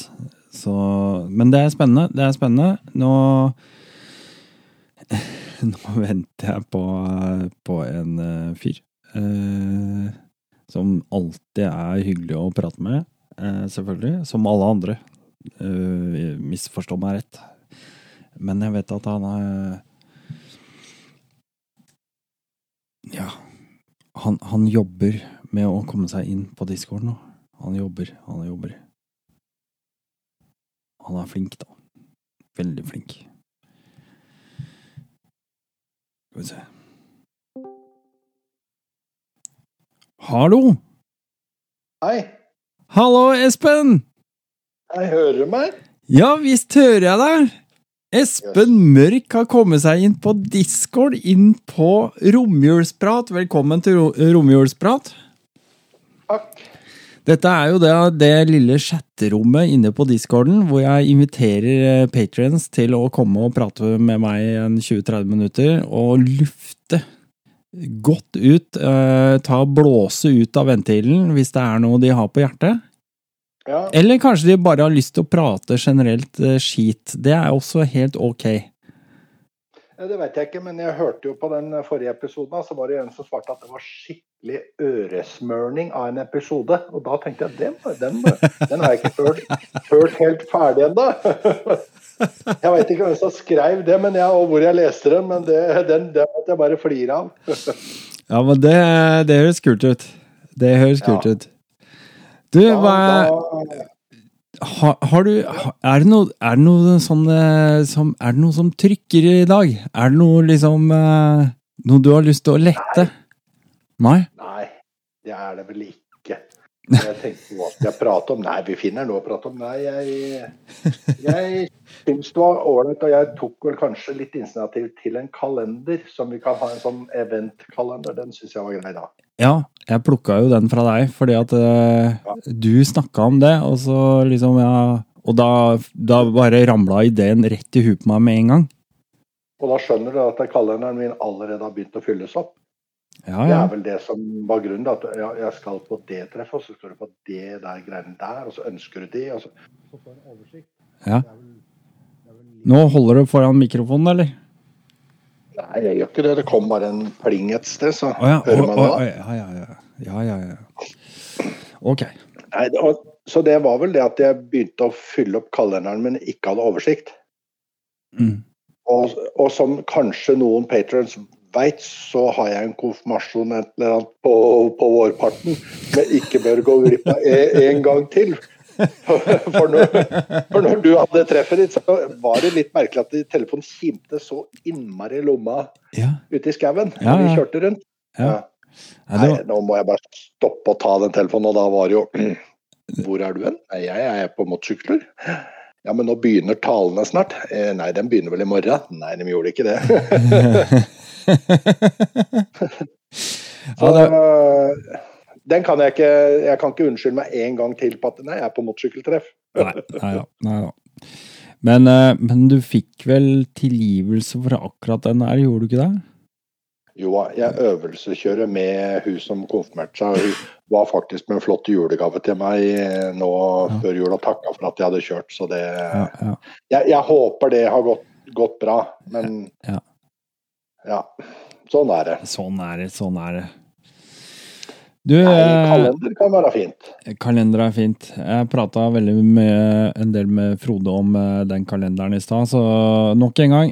For vi skal ja, Trenger ikke å prate altfor mye om den da, og bruke tid på den Nei noe mer, men, eh, men for all del, gå inn på www.rallynord.no og gå inn på kalender. Så skal jeg prøve Jeg prøver etter beste evne å skape en god oversikt der, og, og så er jeg helt avhengig av at lyttere og alle andre sender inn tips og linker og informasjon om eh, treff og events som eventuelt måtte mangle, eller oppdateringer for den saks skyld. Eh, jeg kan ikke stå ansvarlig hvis det er eh, feil eller endringer underveis som ikke jeg får med. Så ja, sånn er det. Nei. Nei, det jeg tenkte faktisk på i dag, så var det vel OK, nå er det MC-messe snart. Hva skal du se på der? Hva skal du gjøre? Ja, Først, ja, og første så kommer jo faktisk MC-messa i Gøteborg. Og den er jo bare en, eh, en liten svipptur unna. Hvis en skal ha med seg en dagstur dit, så er ikke det noe problem.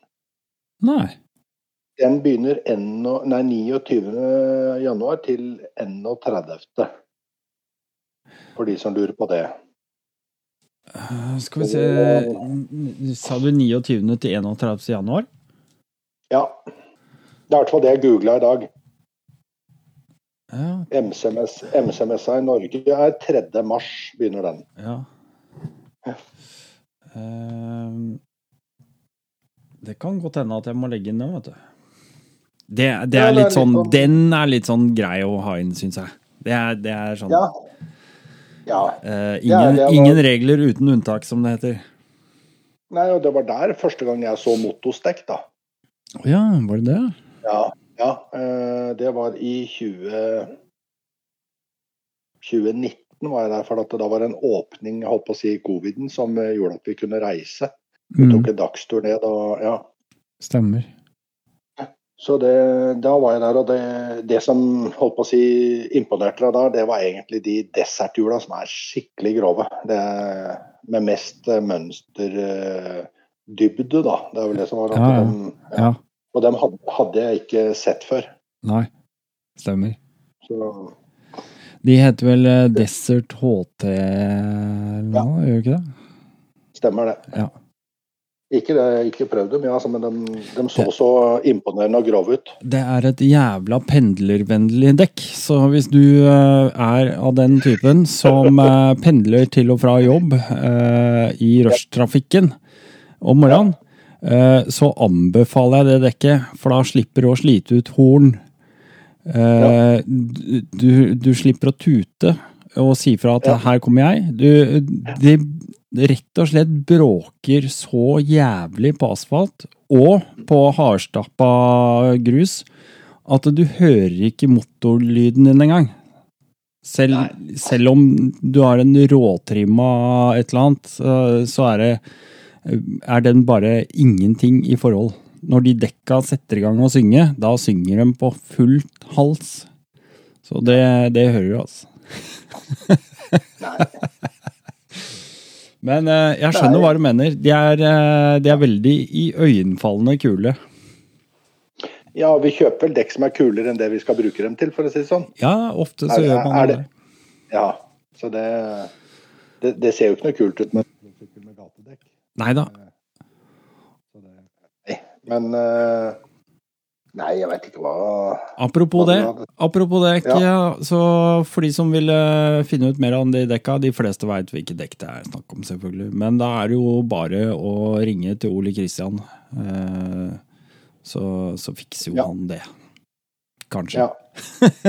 Og egentlig så Der hvor han eh, kjøper dekka sine, Event MC i Sverige, som tar dem fra Australia, Ja. han har en veldig fin beskrivelse på, på sin side om, om de dekka.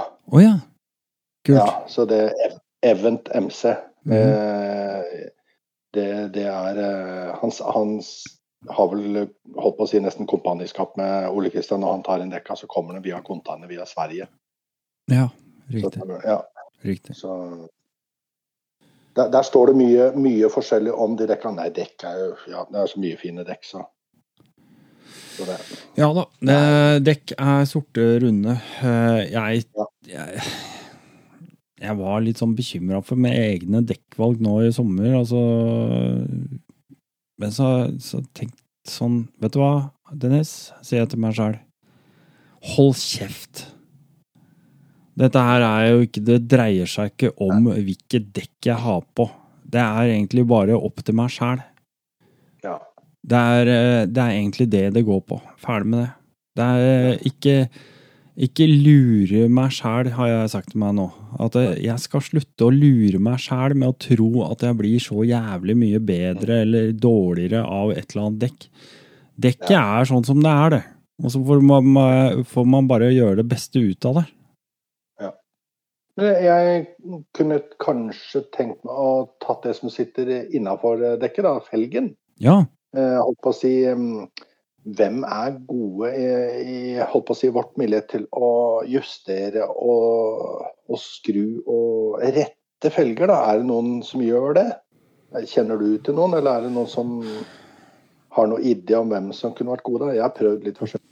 En ting er en vanlig felg, eh, men når du snakker om eller BMW, som har eh, de utvendige eikene, så er det faktisk har jeg ikke fått noe svar hvem som kan rette en felg her i Norge, altså. Det veit jeg ikke. Nei. Tenker du på da skjevheter, hvis du får bulker og Ja. sånn, eller? Ja. Mm. Ja, for på hjem, en av de siste turene, den der pop-up-roadbooken, så kjørte jeg aleine hjem igjen. Ja. Og kom, kommer over en bakketopp, og jeg ser at det er masse løv som cruiser seg på toppen. da. Ja. Og så treffer jeg da en VR-skive midt i der det smalt opp en sykkel. Så to dager etter jeg kom hjem, så var jo, var jo Ja, felgen er nok litt skeiv, men det var i hvert fall eh, ikke noe luft i hjulet. Så tenkte jeg jøss, var ikke det rart. Jeg kjørte hjem igjen. Men det er sikkert et lite eller slått ut lufta, jeg veit ikke. Så ja. Ja, nei, det kan jo sige, ikke sant? Hvis du får et slag Ja. eh, på beddingen som, som gjør at Ja. du får At det slipper lite grann akkurat. Og har du slangeløst, som du antageligvis hadde, da, så, så slipper du jo. Er det hos deg det plinger i Nei, det er deg. Du, eh, hadde du satt på lydløst på telefonen din, eksempel, så hadde vi sluppet det, kanskje. Men eh, samme det. Um... Oi. Ja. oi. Jeg, jeg, jeg tok på telefonen, og det skal jeg ikke gjøre. Nei. Skulle du ikke det? Nei. Nei, for da tenkte jeg kunne gjort det, men det fikk jeg ikke til. Du fikk ikke til. Nei. Nei. Nei, men det går fint, det, Espen. Ja, Vi klarer oss, vi. ja, ja. ja. Nei, eh, nå er det snart, snart ny sesong. Ja. Det er ikke lenge til. Hvor skal vi reise hen? Ja, hvor skal vi reise hen? Åh, det, jeg åpna denne her i kvelden nå med å prate med Frode, og han hadde gode nyheter. Han hadde gode nyheter, og, og altså hyggelige nyheter, da. Det var ikke veldig nytt nytt sånn på alle områder, men det er veldig hyggelige nyheter. Og eh, ja, eh, er det noe sted jeg har lyst til å reise nå i løpet av 2023, så er det faktisk nordover. Yes. Det eh, Det skal mye til for at ikke jeg bare ryker og reiser nordover, altså. For der, der tror jeg man skal få lov til å oppleve ting som man sent vil glemme. Ja. Mm. Det har jeg tenkt på. Frode har jeg prata med angående å komme hjem til han, for å si det sånn, på et besøk. Ja. Ja. Det, det kan jeg godt si at eh, det P-treffet som var eh, og det har gitt meg veldig gode venner. Jeg trodde ikke det skulle skje så fort at man blir en sånn klikk. Ja, Men, eh, jeg må bare si det igjen, da, det du sa nå, det RMP-treffet. For at du, nå fikk du sånn melding igjen, vet du, så jeg hørte ikke helt hva du sa. Ja, på RMP-treffet, ja. Ja. Ja, og det, det Det er noen der som har eh, Som du bare Ja, jeg tar en telefon, jeg ringer. Nå veit jeg vel at Frode Jeg vet ikke om han har kommet hjem igjen jeg tenkte jeg skulle ringe han etterpå. For fredag er en kveld som jeg er aktiv på telefon, og du hører jo det plinger inn her. Jeg vet ikke, jeg har ikke sendt noe i dag, men den veit jo at det da Ja, da sitter en Espen. ja. Fruen ser, på film. Det er en fin film på TV nå, sier jeg. Men jeg skal ikke det nå, sier jeg. Så det, nå har vi spist og ja. ja. Nei, Så Frode er hjemme, han eh, i Eller eh, det er jo ikke hans hjem lenger. Han, er- han sa at han satt og meldte flytting nå i stad.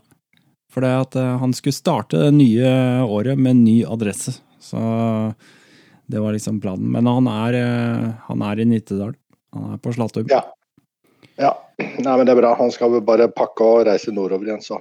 Ja, han blir her noen dager over nyåret, da. Ja. Mm. Nei, så reise opp dit, eller til uh, Pierra og kjørt innover der, det Ja. Jeg har innmari lyst til å reise til Finland igjen. Det, Ja. det, er lagt ut, det er lagt ut Ikke det å kjøre alt tett, men jeg gikk glipp av så mye sist. For Mm. at da var Da kjørte jeg ti dager. Og da var det opp til Tromsø, eller Ja, hva heter det? Eh, Lyngsalpene. eh, Ja. Og tok inn i, inn i Finland den veien. Mm. Det var også litt, litt pga. covid, og så kjørte vi nedover, og da var det Vi rakk ikke å stoppe på museumer eller noen ting, og det var jo så mye som jeg hadde lyst til å se på. Og ja, Han jeg pleier å kjøre sammen med, Bent, han har sagt at neste gang jeg skal kjøre nå, så skal jeg ferie mens jeg kjører. Være på motorsykkelferie. Ja. Ikke vært på, bare på motorsykkeltur, da, hvis du skjønner forskjellen. Ja. Men å kjøre opp i Salla og oppover det ødeste oppover i Finland, syns jeg var bare helt fantastisk. Mm. Så, så det, det er noe som frister å ta turen opp i Finnmark. Men det blir eh, like langt å reise til, rundt i Finnmark som det å reise ned til Alpene i Italia, da, for å si det sånn. Ja, det gjør jo det. Det er jo et stykke. Eh, og så kommer det jo litt an på hvordan du gjør det, da. Men det, dette her kan man jo finne ut sjøl. Sånn. Eh, men oss imellom, altså Det er jo Jeg sjekka nå. Eh, vet ikke åssen prisene forandrer seg utover året, da. Men tur-retur Alta, ikke sant, så er det 1800 kroner med fly. Ja, men jeg må jo kjøre motorsykkel. Ja, det er Du skal ta fly, du. Nei, jeg sier ikke at jeg skal, men jeg sier at det er et, som et alternativ. Og så låner Ja. du sykkel der oppe, ikke sant? Ja da, ja ja. Men Ja. jeg skjønner jo det. Det er jo litt annerledes å kjøre disse doningene dine, altså moderskipet og Hondaen og alt dette andre som du eh, I forhold til en sånn liten uh, endurosykkel. Det, det er jo ikke det samme. Nei, og det Ja, jeg trenger ikke å legge noe skjul på det, men jeg ringte faktisk på en litt lettere sykkel her om dagen. Hva? Ja, det var en sånn helt ny sånn rally, sånn som du har hatt. Men da var det 300 kubikk, og da tenkte jeg det er kanskje litt lite. Så det Ja, Og Honda. ja. Den, eh, altså, den er veldig fin, eh, men det, det skal selvfølgelig sies at eh, det er jo en forskjellig opplevelse om du veier 65 kilo, eller om du veier eh, 110 kilo. Ja.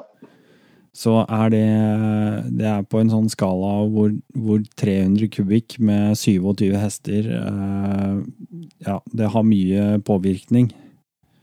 ja. Men da hadde jeg vel ikke tatt den på de lengste turene. Nei da. Nei da. Nei. Men, uh... Men uh, du, du ser at folk kommer jo, kan jo ja, Ichi Butz hun kjører jo Ja. holdt på å si verden rundt. ja, så det, det er helt rått. Og jeg møtte jo ei dame på mm, i Åndalsnes mm. eh, på en eh, 250 KLR. Og hun var Ja. tysk. Ja. Hun prata bare tysk. og eh, Da starta vi fra samme campen. Jeg kjørte en omvei og litt sånn. Da hadde jeg en Transalp. Så, så den, den tok litt mer, mens hun stoppa litt før meg. Hadde nok litt kortere etapper, men eh, nei, hun, hun hadde kjørt mye lenger enn meg på den ferien, for å si det sånn. Mm. Men eh, det går, for hun har vært på Nordkapp og kjørte nedover igjen så, fra Tyskland. Mm. Og det går. Ja, ja. Helt klart. Det går. Eh, alle turer er mulig. Uh, Snakka litt med Willy om, om det også. Bare det å putte det rundt på en sånn uh, lettsykkel uh, på teten, det er mulig, altså. Men, men det er litt sånn, hva trives du med, da? Hva syns du er gøy? ikke sant? Hvis, det er, eh, hvis du skal ha fun-faktor, hvis du skal ha hjulløft, og hvis du skal ha Ja, ikke sant? Så Ja. mm, Vi er Du får ikke alltid en sykkel. Nei, nei, du får ikke det. vet du. Du må velge. Du må velge. Ja. Sånn er Men da har vel du en sykkel, du har en sykkel som eh, egentlig er kanskje litt mer allround enn det, det jeg har, av de to store jeg har. Ja, det er det jeg har prøvd, da, på en måte å, å forme den til å bli på en måte min unicorn, da. Ja. Mm. Du hadde ikke brydd deg Hvis du hadde bestemt deg, så hadde du kjørt den til uh, Alpene, for å si det sånn. Ja, ja. Og, og, Ja. og det hadde jeg gjort fordi at jeg vet at det går. Uh, Ja. Og grunnen til at jeg er så sikker på det, det er fordi at jeg har uh, hatt et par 690 tidligere, og jeg har liksom jeg har kjørt opp og ned til, uh, til Ukraina med 690, liksom. Og kjørt rundt der nede i eh, eh, i Karpatene, ikke sant? Eh, og, Ja. og kjørt hjem igjen. Så jeg veit Ja. jo at det går. Det er ikke noe problem. Så det, nei, men er det mange som du kjenner nå som har skipa sykkelen sørover og skal kjøre i Spania, Portugal og sånn nå, eller? Eh, ja, det er vel noen Altså nå eh, Tor Hammer, som jeg prata med her for litt siden, han skulle jo nedover. Ja. Jeg husker ikke nøyaktig akkurat hvor han eh, Men han hadde jo sykkelen stående sørpå et eller annet sted, så han skulle liksom bare ta flyet ned. Eh, Ja, så, og så, og så regner jeg med at eh, han eh, Sigmund Liseth, eh, han eh, pleier jo å gjøre det her for vane, tror jeg. Eh, Ja, og, og reise ned på vinterhalvåret. Det høres jo egentlig litt greit ut, som han sa. Da, hvis du kombinerer det sånn som han sier at da står sykkelen din holdt på å si varmt og tørt der nede, istedenfor at han i garasjen er hjemme, så kan du reise ned og så tar en motorsykkeldager Ja, der nede. da. ja, Og kanskje kona ligger på stranda og slapper av og gjør andre ting, så, så kan du gjøre sånt. Og det høres jo faktisk veldig ålreit ut. det er helt genialt. Ja. Han eh, Bent som jeg kjører med, han eh, reiser vel til Portugal i jeg tror det var i februar. Og kjører på en sånn tur på ACT. Så Og det ble vel fra Algarve, og der stemmer det at da tok hun, eller kona skulle bli med, da. Som hun gjør vel noe annet i de fem-seks dagene han er ute og kjører. Ja. Så det, det, går- det går an å gjøre det litt ja, familievennlig, da, hvis det er det. Ja, ja. Det gjør det. Så det. Ja, Hva er planene dine til sommeren? da? Det var nordover? Du, eh, jeg er litt sånn derre jeg,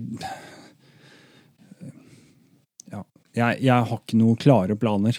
Jeg syns alltid det er litt sånn vanskelig med klar planlegging. Eh, Det er så mye jeg har lyst til, og så er det jo litt sånn Jeg blir eh, fort litt revet med, så, og, og veit ikke alltid hva jeg skal. Men det er klart, jeg, jeg starter jo alltid året Eller ikke alltid. Jeg starter året nå med, med primustreffet. Det er jo bare Ja. Det er jo ikke noe sånn kjøretreff. Det er jo bare å kjøre opp, og så grave seg ned i snøen og sitte, sitte med, med frostvæsken og, og passe på å legge ny kubbe på bollet og prate mest mulig skit. Eh, og, og satse på at man får fyra sykkelen når man skal hjem igjen på søndag. Så det er, det er ikke noe mer enn det. Nei. Eh, Men, men kjører du sykkel nå? Ja, du har sidevogn, du. ja, jeg har litt av hvert, jeg, vet du. Men jeg kjører nok, jeg kjører nok long rangen, ja. Ja. Uh, Nei, men, eh, den, den setter jeg bare pidekk på. ja. Og så bare ja, jeg- dynker jeg ned med VD40. Bare ja. øser på med VD40, og kjører jeg opp og drikker meg full og blir edru, og så kjører jeg ned igjen, og så vasker jeg sykkelen skikkelig grundig, så jeg får unna alt det saltet og den dritten. ja. Jeg var på VS-ankeren. Det er vel eh, samme treffet bare på høsten. Mm. Ja, det var ingen som sanka ved når de kjøpte ved av bonden. Det kom bare, ja, bare vinka på traktoren og kjørte forbi. Og så ja, kom her med en pall. Ja, så ble det kjøpt en pall med ved. det var VS-ankeren. det. Ja, ja, ja. Bonden hadde sank, sanka veden ferdig. Så, Akkurat. men det, men det var jo var jo et hyggelig morsomt treff, da. Det var jo det. Ja. Litt annerledes å, å campe langs med veien, for å si det sånn. Ja, det er jo Det er annerledes, og det er eh, Det er jo uorganisert. Eh, Det som er av organisasjon der, det er at alle veit når det er. Og bortsett fra Ja. det, så er det jo ingen som eh, Det er noen som har tatt på seg noen sånne oppdrag med å sette opp en utedass og sånn. Det har jo kommet de siste åra. Eh, Det var jo ikke tidligere da. Det er jo veldig greit at det fins én sånn mulighet. Og så er det jo bare om å gjøre å prøve å rydde etter seg sjøl. Ja. Det er liksom veldig viktig. Eh, Ja. Få med deg dritten din hjem igjen. Eh, Ja. Og ellers så er det Og der finner du alltid en sidevogn og kunne bare hive det nedi. Ja da, så det er ikke noe stress. Det er ikke noe stress. Nei, Så det, det sånn er det. Eh, en, ting jeg tenkte på. Det, dem som driver bort i Sverige, Anders og Rebekka, dem gleder jeg meg til. Dem, de, opp dit skal jeg til sommeren. er Ja, selvfølgelig. Ja, ja, selvfølgelig. Det skal jeg. Han la ut en eh, video i dag, og den syns jeg var trivelig å se. hvor det, ja, Litt av byen og fortelle litt. og Veldig det samme koselig. som Ja, jeg skrev her på sida Når han legger ut sånn blogg, så syns jeg det er morsomt å lese. Like morsomt som når episodene dine kommer. da, Du gleder deg til neste Ja. episode, hva det handler om. Hyggelig. Og ja, det, det syns jeg altså. Det, han skriver eh, kjempebra. Mm. beste var vel når han reiste Hva hva skrev for noe? Kjørte og skulle ned til var det Karpaten eller hvor han var vankeren. Nei, det var enda lenger nedover. 300 mil, og så kjørte han feil. Han, han var i fjellpasset ved siden av, men det var jo som jeg sa, det var jo like fint der. Ja, ja, ja. Ja, han var jækla bra, sa det. Jeg bare gå inn på www.dalexs.se, så finner man ut Ja. det. Jeg skal prate med Anders også. Så, Ja, du skal det? Ja. Det blir bra. Men eh, blir- nå må jeg eh, takke for praten, Espen, for jeg må komme meg videre. Ja, det er mange på, på linja i dag. Ja, et par stykker til jeg hadde håpa jeg skulle få med meg her. Så ja, da det rekker- baller på seg. Ja, da er jeg glad for at jeg har slått i litt av tida di i Ja, dag. det er nydelig. Det er bare hyggelig. Jeg gleder meg til vi ses igjen snart. Det gjør vi, vet du. Vi veit når vi treffes. Ja, også for å ha riktig godt eh, nyttår. I like måte. Mm. Takk for sesongen som var. Jo, takk i like måte. Ha det bra. Ha det, ha det. Det var uh... Og så, og så skrur du av dette. Jeg skal Vet du hva jeg skal gjøre? Jeg skal, ta kast, jeg skal kaste deg ut, jeg. Takk. Jeg skal kaste deg ut. Skal vi se. Ha det. Ha det. Ha det bra. Uh, ble det av denne? Der. Og så skal jeg få kasta ut han, vet du. Kasta ut Espen. Han slipper å tenke på det sjøl, stakkar. Ja, ja, ja. Da får vi se om vi ikke finner nestemann på lista.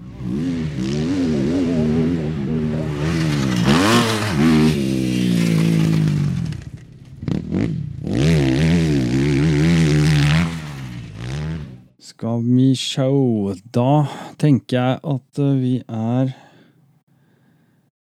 Vi er eh, på igjen. Hallo? Nei. Sitter og venter på en til som vi skal prate med.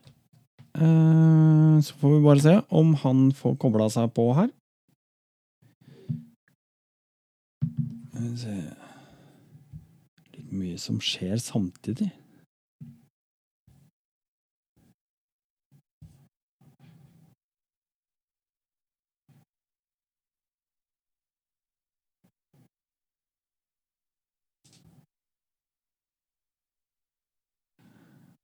Litt mye som skjer samtidig.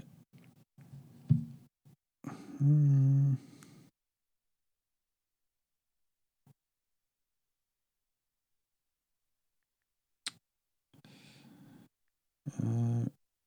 Jeg må Nå er vi der, vet du. Nå er vi eh, der hvor jeg driver og surrer og roter.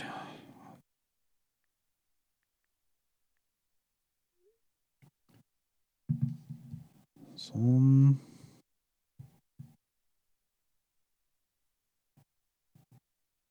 Nei da. Dette blir så bra, så. Hallo, hallo?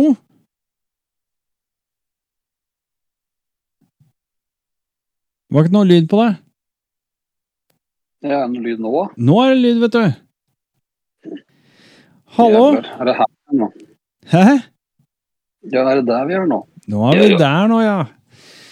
Velkommen til romjulsprat, eh, Tor Holm Ellefsen. Jo, takk. Du er vel med for uh, snart eh, ellevte gang, eller noe sånt? Ja, vi må sette en eller annen strek et sted. For det blir vel litt mye støy, støy i monitor her, tror jeg. Nei da, det er eh, alltid hyggelig å ha deg med på podkast. Og ellers, selvfølgelig. I like måte. Ja, åssen er, mm. er kvelden før eh, kvelden Dette er ikke kvelden før kvelden, dette. Dette er kvelden før uh, nyttårsaften, i hvert fall. Du, nå begynner det å roe seg litt grann ned. Vi har hatt litt sånn eh, generelt eh, besøk og leiking, ordning og styring. Nå hørte jeg guttungen Ja. ble henta, han lekekameraten akkurat. Så da er det vel i ferd med å dabbe av, tenker jeg. Akkurat. Men det er viktig, det. Aktivisere disse små krabatene. Yes. Det har vært god, god stemning og mye julegaver som skulle vises fram. Så da er det jo full fest. Ja. Ja, men det er bra. Det er bra. Ellers, da? Får du tid til å tenke på motorsykkel, eller? Ja, det, det er ikke vanskelig. Nei. Det er rom for det. Jeg hadde jo jeg hadde flaks i går. Da kom jo nye dekkalene seilende. Eh, Så de setter, ser jeg fram til å få på. Ja, du sendte meg noen bilder, noen sneak peeks. Så vi får håpe at det blir bra. Det er jo Jeg kjøpte fra Motorproworks i, eh, i Sverige. Mm -hmm. De hosta opp et eh, sett til Norden. Jeg var i kontakt med de her i, i Ukraina òg, så jeg har noe greier på gang der òg. Ja. Så jeg får eh, se litt, men jeg har fått det settet fra, fra Sverige med den uh, grafikken som jeg ba om. Uh, for de hadde ikke noe Norden-modell liggende ute, men de hadde uh, kuttemalen. Ok. Så da klarte de å lage et sett, og så la de ut Norden, Norden-design eh, uka etter. Ah. Så Så, men det var fine folk. Eh, mye mailing fram og tilbake og fikk eh, utkast. Og jeg tegna på utkasta med i forhold til flytting av logoer og vinkling og størrelser og korrigert og sendte retur og fikk ny. Så jeg har hånd holdt sikkert en fem-seks ganger Ja. eh, uten noe stress før det på en måte Ja, da er vi happy. Fint, da kjører vi på. Ja. Jeg tror det er noe av gamet deres. De, de må på en måte være litt vant til det. Ja, og så er det de, de, de svenskene tok, tok noe ekstra penger for, eh, for å legge inn sånne her eh, custom-logoer og sånne ting. Mens uh, Winners Inc. i Ukraina, der fikk jeg alt sammen for standardpris. Altså Der betaler du for settet, og så gjør de hele jobben. Det Ja. virker som en jævlig fin gjeng. altså. Ja, det tror jeg også. Jeg, er jo også, jeg skal jo til å bestille derfra nå. Så der er det, De er kjappe på, på å respondere. Det er moro. ja. Nei, det er, det er kult. Og så er det litt kult å lage sine egne greier, da. Det er det, og det er, jeg brukte mye tid på å leite opp farger som jeg har lyst til å bruke. og Prøve å sende dem da en farvekode og sånn. ikke sant? Mm. Én ting er hva du ser på bilder og på nettet, og det andre er hva det blir i virkeligheten. Så jeg er jævlig spent når jeg får det på sykkelen. Ja. Det ser jævlig bra ut nå, men jeg er spent på, på fa- faktisk resultatet når du får den ut i sollys. Det kan bli annerledes. Ja, ja. ja det er spennende. Jepp. Og så er det jo noe med det å kline dekaler utover en sykkel som på en måte ikke ser aller verst ut fra før av. Nei, den gjør jo ikke det, men det er jo kult å gjøre litt annerledes. Og så ville jeg bytte ut de her logoene med ting jeg hadde, hadde et eller annet forhold til. Mm, ja. Så hadde jeg flaks, så fikk eh, jeg fikk filer fra alle jeg spurte. Mm, Jeg fikk jo logoen din av deg, og jeg fikk uh, datafiler av, av, av Kai mm. på Twinpegs. ja. Uh, jeg snakka med Torque Racing og fikk filer derifra. Eh, så det er liksom sånn og når du mailer dem og spør, bare ja, ja, ja, ja, her, jeg sender alt jeg har. Det er liksom ikke noe stress, så det er litt gøy. Mm. Tøft. Tøft. Ja. Og ellers du er, ferdig med, Nei, du er ferdig med jula og alt det greiene. Er det, slipper det taket, Ja, eller er, sitter den i, i vegga hos deg fram til 13. dag jul, liksom? Juletreet er pakka ned i dag. Ja, deilig. Ja. Julepynten er borte. Ja. Ja. Magisk. Japp. Helt nydelig. Inn i garasjen med det, og så ser vi det igjen om eh, elleve måneder. Ja. Ja, er, eh, vi fant ut at vi skulle snu de tinga på huet. Vi, vi pynter juletre 1.12. ja. Og så har vi det da, istedenfor at vi skal drive og drive med rett oppunder jul og så ha det stående så langt ut i januar. Det har egentlig vært veldig ålreit. Mm, mm. Ja, ja. Sånn er det. Ja. Hva skjer, eh, skjer framover? Nei, det skjer jo ikke fælt mye. Er Den jævla vinteren, da. Det er jo dårlig Mm. føre. Ja, det Det er, er liksom ikke noe sånn eh, Det er jo ikke vinter nok nedi her til å begynne å surre og styre og ordne og holde på med noe vinterdekk og sånn heller, ikke sant. Dere er ikke så veldig gira på å ofre Norden på, på saltføre heller, så jeg tror ikke det blir noe av. Nei. Nei. Så Det nærmeste vi kan se fram til for min del, er vel egentlig MC-messa i mars. Mm. Så den tenkte jeg skulle prøve å få komme meg på. Ja. Så så jeg du hadde lagt i kalenderen din, så hadde du lagt inn primustreffet. Jeg, jeg ser ikke for meg at det blir noe for meg. Eh, men det, det, høres, det høres jo moro ut, de få, de få minuttene som blir tatt opp og delt med omverdenen. Ja, det, altså det blir jo en sånn klassiker, da. Som er litt sånn Det er litt på sida, men samtidig så er det så innafor, for det Det var jo egentlig på primustreffet da i eh, 2020 at vi eh, At det Nei, 2020 21, mener jeg. Unnskyld. Som, eh, som jeg kicka i gang eh, podkasten. Mm. Så, så det er klart at eh, det, det blir jo en sånn klassiker, da. Eh, Kommer meg Ja. ikke unna det nå. Nei, da må du bare følge opp, da. Ja, må bare følge opp. Følge opp, og, og det er jo det er gøy, da. Ja, du fikk deg jo piggdekk i fjor til å kjøre opp der. Uh, ja. Det gjorde jeg vel. Ja, jeg fikk meg piggdekk, og året før da kjørte jeg på sommerdekka opp. For at da var det så bart på veia at eh, det var bare de siste 100 metera at det var litt grann sånn eh, is her og der. Mm. Så da kjørte jeg faktisk på sommerdekk opp. Men det var vel egentlig bare en dagstur. Jeg hadde ikke noe pikkpakk, ingenting. Så det blei egentlig bare en sånn dagstur hvor jeg bare surra rundt og snakka med folk eh, første året. Mm. I fjor så blei det jo gjennomført på ettertrykkelig vis, sånn som det skal gjøres. Eh, Ja. med, med frostvæske og det hele. Eh, Ja, men det, da tar det litt tid. ja, da tar det litt tid. Ja, Og så blir det mye klipping etterpå. For det er en del ting du helst ikke skal ha med. Det her fortjener ingen at skal deles med noen andre. Nei, Uh, dette her, det er uh, Dette er vondt å høre på. Å, det er så flott. Ja, nydelig. Åssen kom jeg på dette? Nei da. Jeg hadde en, sånn, hadde en sånn periode i ungdommen hvor det var- eksperimenterte oss i gang på slutten av ungdomsskolen, hvor folk hadde en antenne til å sette sånne gode gamle kassettspillere på opptak i bakgrunnen. Ja.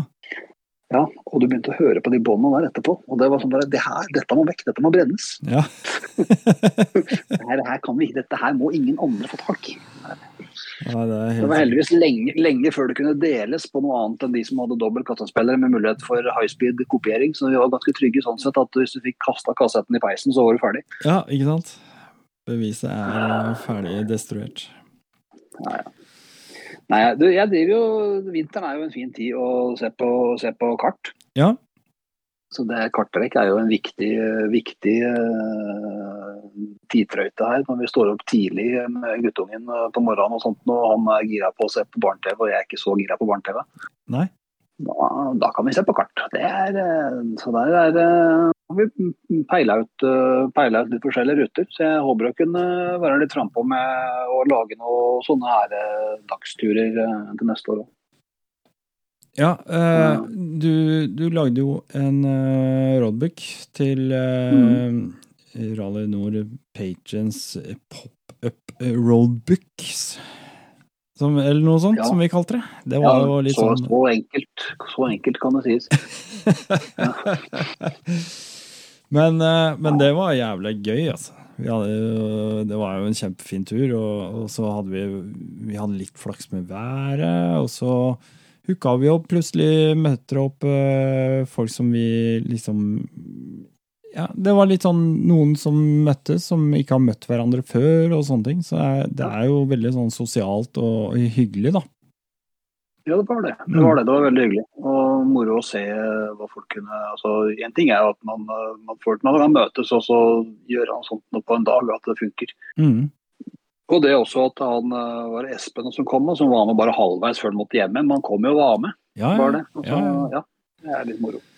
Så det, det ønsket, eller det store drømmen, da, for å kalle det det, hadde jo vært litt at, eh, at det hadde vært noen kanskje på Vestlandet også som kunne kjørt i gang eh, Kjørt opp med samme opplegget, på en måte.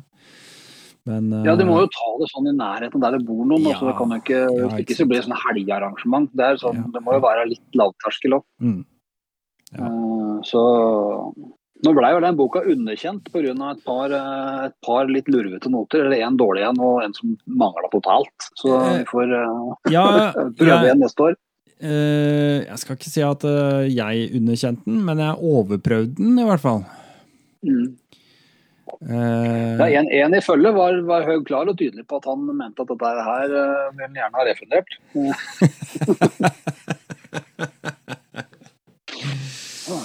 ja da. Men eh, boka var fin, og det, det var hyggelig. Hyggelig. Nei, men det var den, første jeg laga som jeg har prøvd å kjøre. Så da har jeg lært litt der på både på det å faktisk ta ut noen flere noter for at folk har noe å støtte seg på underveis på, for å se at kursen stemmer. Det tror jeg er en, en greie. Ja. Eh, også få bekrefta et par av de eh, den ene nota som det tydelig hvor altså, det var flere veier inn og ut av det krysset enn det de hadde på nota. Og da blir det ball. Mm, mm. Uh, også på den siste som da rett og slett mangla, hvor jeg ikke hadde fått merke av en høyresving. Og det gjør jo litt, uh, det gjør det litt vanskelig. Det gjør det litt vanskelig. Men eh, sånn er det. Det er eh, rookie mistakes, og de er lov å ta. Men eh, det er vel det jeg tenkte litt på sånn i forkant av den praten. Jeg, hva faen skal sitte og prate om? For det går an å øh, røre og prate med alt mulig rart. Men jeg tenkte det blir ikke akkurat noen paneldebatt, for det er bare deg og meg her. Men du kan jo mene noe, du òg. det her med deling av steder å kjøre, det er jævlig kilt tema. Ja, det er det. Det er et, eh, et Ja. litt sånn tvega sverd, eh, den der eh, Den der, egentlig. ja. Du Det har kan på en måte ja. Ja. Nei, fyr løs. Gå igjen. Ja, nei, jeg tenkte Det er jo Det er sånn Man er jævlig glad i å dra på tur, og så er man jævlig glad i å snakke om ting man har sett. Og sånne ting. Og så er det veldig vanskelig å la noen andre få vite nok til at de kan få komme seg på samme plassen. Mm. Eh, og jeg er som sånn der, bare for å ta livet av den med en gang, da. Jeg er med sånn der deling av å legge ut GPX-spor fra alle, i alle mulige himmelretninger. Det er ikke det som er poenget heller. For det er sånn Litt av mora må jo være å prøve å finne Altså dra noe på leiting sjøl. Mm. Men jeg veit med meg sjøl når jeg har kjørt rundt her, ikke sant. Jeg har kjørt forbi forskjellige steder et hav av ganger, og bare sånn her er det faen ikke en dritt. Og så av en eller annen grunn så svinger det en vei. og så blir det bare sånn der, Hvorfor i all verden har jeg ikke vært inni her før? Mm. Er jo vanvittige ting. Og du hadde jo ikke trengt noen sånn der eh, detaljert veibeskrivelse inni, men hvis en eller annen bare kan ta slenge ut en, en, en, eh, waypoint, ikke sant. Mm. Et sted. Bare sånn her. Dette er en kul plass, prøv å komme deg dit. Ja. Så kan du bare OK, men, okay, men det der må vi det der må vi jo se. ikke sant? Når noen tar et bra bilde en plass, da. Eller en- et eller annet sånt. og Bare, se her. her kom, hit kom jeg. Se på dette. Ja, men dit må jeg kjøre. Det var kult. Det var midt inne i et grønt felt på kartet. ikke sant? Mm. Er du sikker på at det går an å kjøre dit? Ja, det er jo ingen veier på kartet engang. Ja, men vi må jo dra og se. ja. ja. Eh, ja. Så det er sånn uh, Ja. For det Akkurat der, Jeg syns det er vanlig. ja, der er du inne på en sånn greie som jeg, Det er litt av baktanken da, med f.eks. Uh, motorsyklistenes gapahuklaug. Ikke sant? Hvor, eh, hvor jeg oppfordrer alle da, til å ta bilder og dele eh, en, eh, en GPS-posisjon. Eh, Ja. Ikke en tegning i kartet, ikke en liksom en, en gitt rute eller vei eller en led til å komme seg dit, men rett og slett bare dele posisjonen og eventuelt bilder av plasten for å si litt om hva er det som er her og hvordan er det. Og så kan folk gå inn og så knotte seg til hvor er dette, og så må de finne veien dit sjøl. Det er litt samme, litt av den. Det er jo Men jeg skjønner også de som er tilbakeholdne, ikke sant. For det at du kjører litt sånn på på, på en måte på ignoransen til en eller annen grunn her, da. Altså, Ja, ja. Hvor, mange, hvor mange skal begynne å ratte og kjøre på en vei før noen blir sure? Ja. Eh, det er jo dessverre sånn at det er litt eh, Det er fort gjort å hisse på seg folk her i Norge. Mm. eh, med de veiene vi har. Mm. Så ja. Men da blir jo det sånn Kan man kanskje lage da når man lager roadbooks eller om man lager et eller annet annet, og så prøve i hvert fall å spre litt av det budskap. For det, det, er, det er jo ikke alle som har masse folk rundt seg å kjøre sammen med heller. Nei, det er, det er ikke det.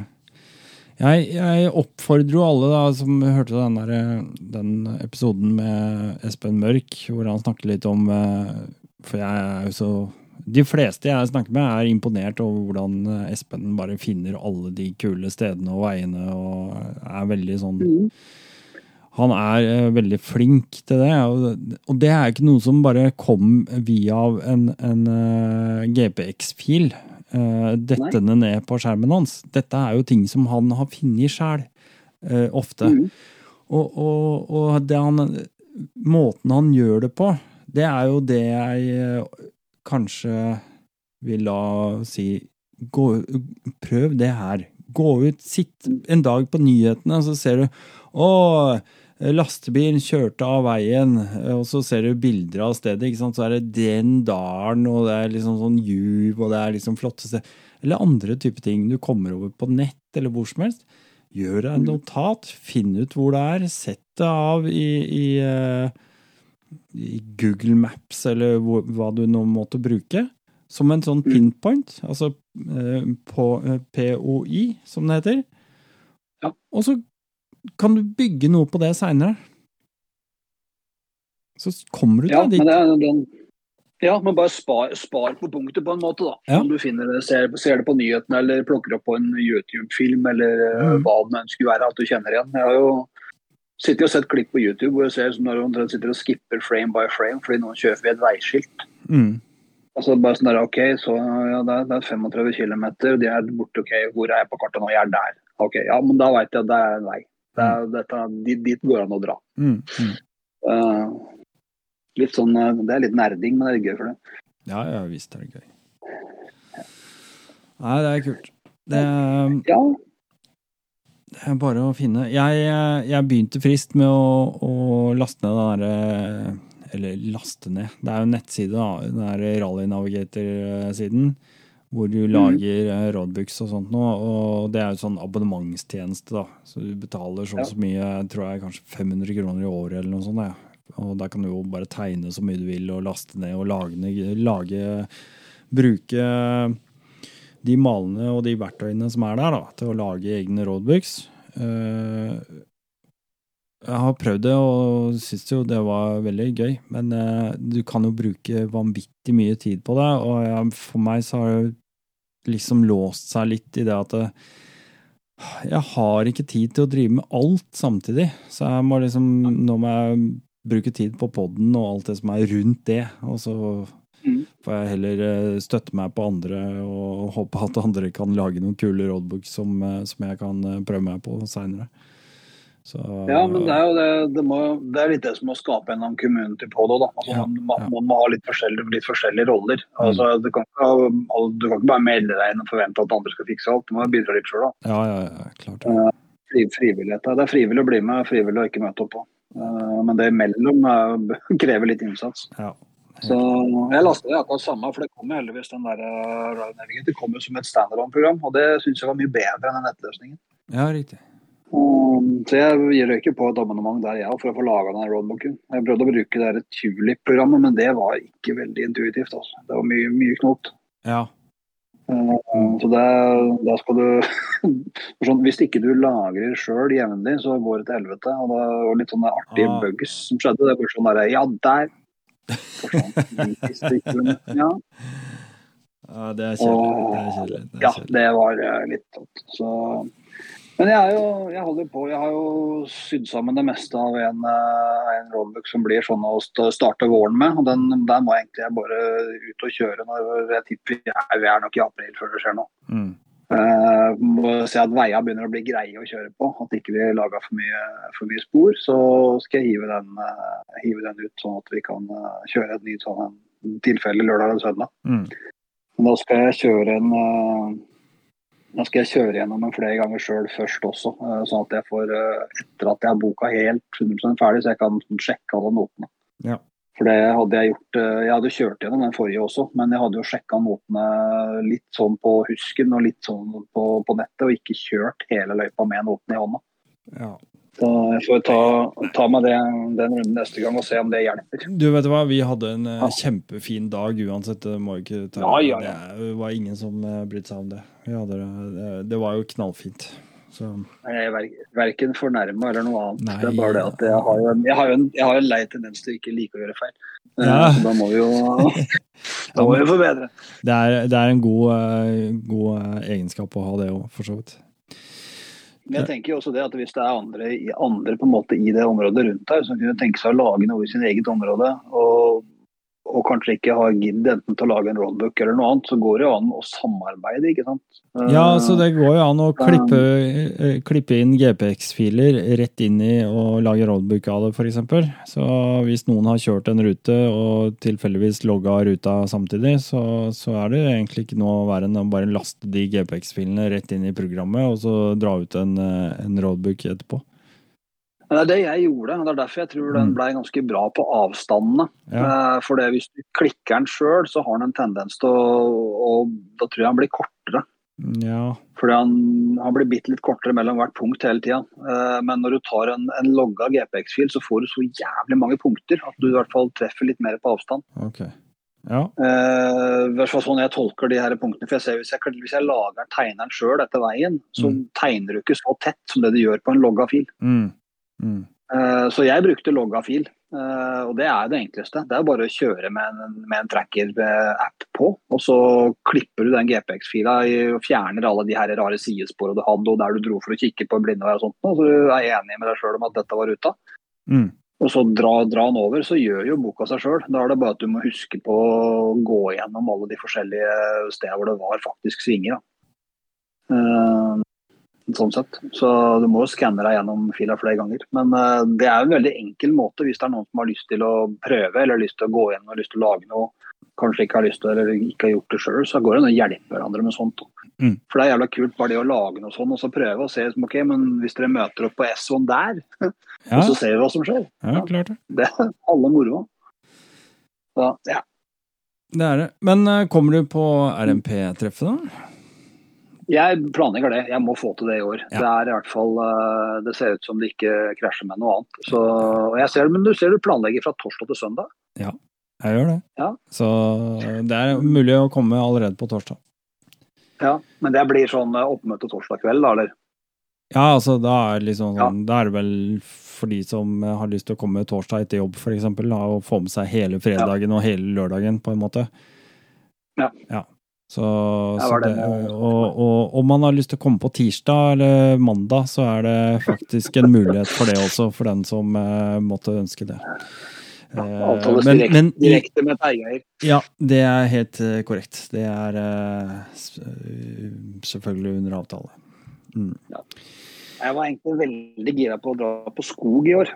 Ja, eller ikke i år, men neste år. For jeg hadde litt eh, prøvd å få til den. Men det er midt oppi at jeg driver med noe etterutdanning, så det må jo bare hoppe og drite i. Ja. Eh, Så da åpner det seg først når mai er ferdig, så er skolen ferdig. Så da kan jeg kaste meg på noen. akkurat. Da passer det veldig godt med det treffet. du, vet du hva? Jeg tror jeg må eh, takke så mye for praten. Jo, vær så god, det var så lite. Jeg må rett og slett bare komme meg videre. Ja, skal, Gjør det. Jeg skal prøve å få meg en til. ja, gjør det. Men du, jeg én ting før, Ja. før vi runder av. For ja. nå ser jeg at han er han derre godeste Peter Solnør som driver og aier nede i Dakar Rally, er det ikke det? Uh, er han, uh, kjører han Rally Dakar nå? Nei, han kjører ikke. Er Nei. ikke han som er nede. Jeg har vært på Instagram og sett. Er ikke han nede og holder på med noe der nede? Nå? Det vet jeg ikke. Uh, Chase, Chasing Borders er Jo, jo, jo, jo. Han er fotograf i Dakar nå. Ja, for han er jo, Ja. han er jo fotograf og filmmann. Ja. Mm. Ja. Men uh, kjenner du han godt nok til å få en sånn stemningsrapport underveis der nede? Det tror jeg gjør den en jævla Faen, kul vet du hva, det var et jævla fett tips. Det visste, jeg visste Bare ikke sånn at han var der engang, ja, men det var kult. Jeg så på Instagram hans, han drev rigga noe utstyr i går der nede, og han holder jo på nå. Så, er, så han er jo i hvert fall på plass. Kanskje han har tid til å prate bitte litt om det. Det kunne vært jævlig gøy. Åh, fy faen, det var kult du sa det. Takk. Mm. Jeg var ikke klar over det. Bare- Veldig kult. Det må vi prøve å få til. Kos deg med det, så lykke til med nestemann. Og så, ja, det er nestemann uh, ut nå. Det håper jeg blir Anders. Jeg håper han, uh, han er klar. Eh, Det er eh, Mm. Anders Kulin. Ja, på Dalex. Ja. Yes, det blir gøy. Eh, Ellers så skal jeg røpe så mye som at uh, jeg har kryssa alle fingre for at eh, jeg nok en gang åpner neste, altså sesong 2023. Eh, første episode eh, skal vi ha en eh, kvinnelig deltaker ut på podkasten. Ja. Det blir spennende. Vi får se. Jeg, jeg Ja. krysser fingrene for at vi får til det. Yes. Uh, Shalabais og riktig godt nyttår til deg, Tor. Shalabais, og godt nyttår til deg òg. Ja. Greit, det. Hei, hei. Hei, hei.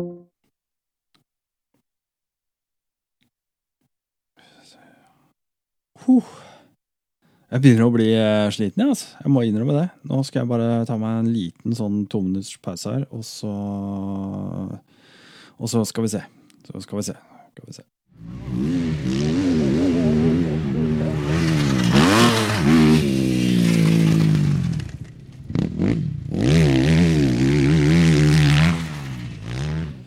Skal vi se. Da ser det ut som eh, som at vi har en til i romjulsprat. Men nå skal jeg bare Jeg må bare skrive fra deg en melding. Skal vi se. Eh, sånn. Skal vi se. God dag, god dag! Hei! Herlig!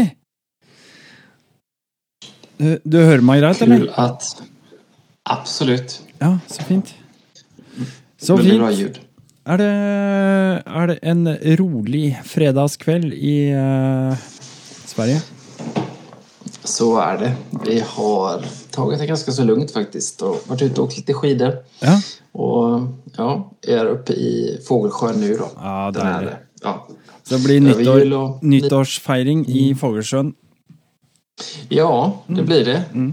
På, I Amerikahuset. Eh, Alla, inte alla, men det är ett gäng som är här då. Så att hembygdsföreningen med namn och Hannes sitt i spetsen har bjudit in, bjudit in de, de som bor her. Da. Så Ja. att byen byn har, har det tillsammans. Ja, nå følte jeg at nå begynte vi sånn veldig rett på, men det, er- det er kult. Eh, Åssen er liksom bygdesamfunnet der? Er det sånn at eh, liksom alle er velkomne, alle kjenner hverandre eller vil gjerne bli kjent, altså hjelper hverandre og sånn? Kan ikke du si litt om det? Det virka litt sånn sosialt. Ja. Eh, Ja, ja absolut. Eh, Vi är väldigt nya i Fågelsjö. Vi flyttade ju hit, eller delvis. Vi har ju bara ett sommarställe här ja. i somras. Och, och redan första veckan vi var här så ja, vi fick hjälp med att laga vattenpumpen och det var det ena och det andra och maskiner. Och behöver man någonting så går man bara och hämtar det eller pratar med någon. Så att det är väldigt öppet, absolut. Men ja, vi är ju nya i byn också så att man får ju... Ja. Men du, eh, Anders, eh, jeg føler at du trenger en eh, litt større presentasjon. Du er jo mm. først og fremst nå i, bunn og grunn, siden du er med på romjulsprat her på Rallnord, så er du jo en patron av podkasten. det vil si at du er jo Du støtter jo meg og det prosjektet som jeg holder på med, men så er du så mye mer enn det, fordi du er jo også ble med, med sammen med Rebekka eh, driver dere Dalexess eh, Adventure Service. Precis. Ja. Ehm, självklart. Det är kul att, att kunna stötta. För, Ja. ja. Vi som håller på med små, småskalig verksamhet vet hur trixigt det är att få allting att, gå ihop. Och det blir ju mer utgifter än inkomster för det mesta. Så. Det er sånn. Ja.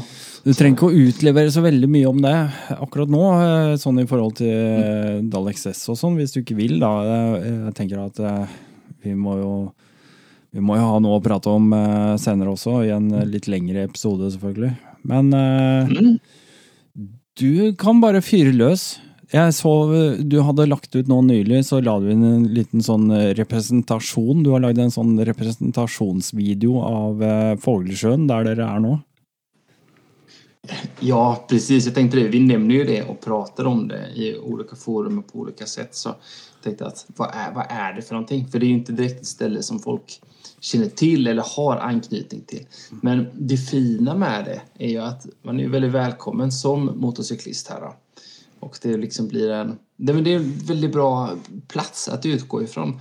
Det, det är liksom inte det häftigaste stället och det är inte liksom fart och fläkt utan det är, det er litet og genuint. Mm. Så, Ja, det, det er riktig. Det er nøkkelord med jeg også. Jeg, jeg var så heldig, så jeg var jo innom dere her nå i, i sommer, og, og det er et fantastisk fint sted. Det er en sånn der koselig liten plass. Uh, ja, det er liksom, Du, du kjenner liksom at roen faller inn med en gang.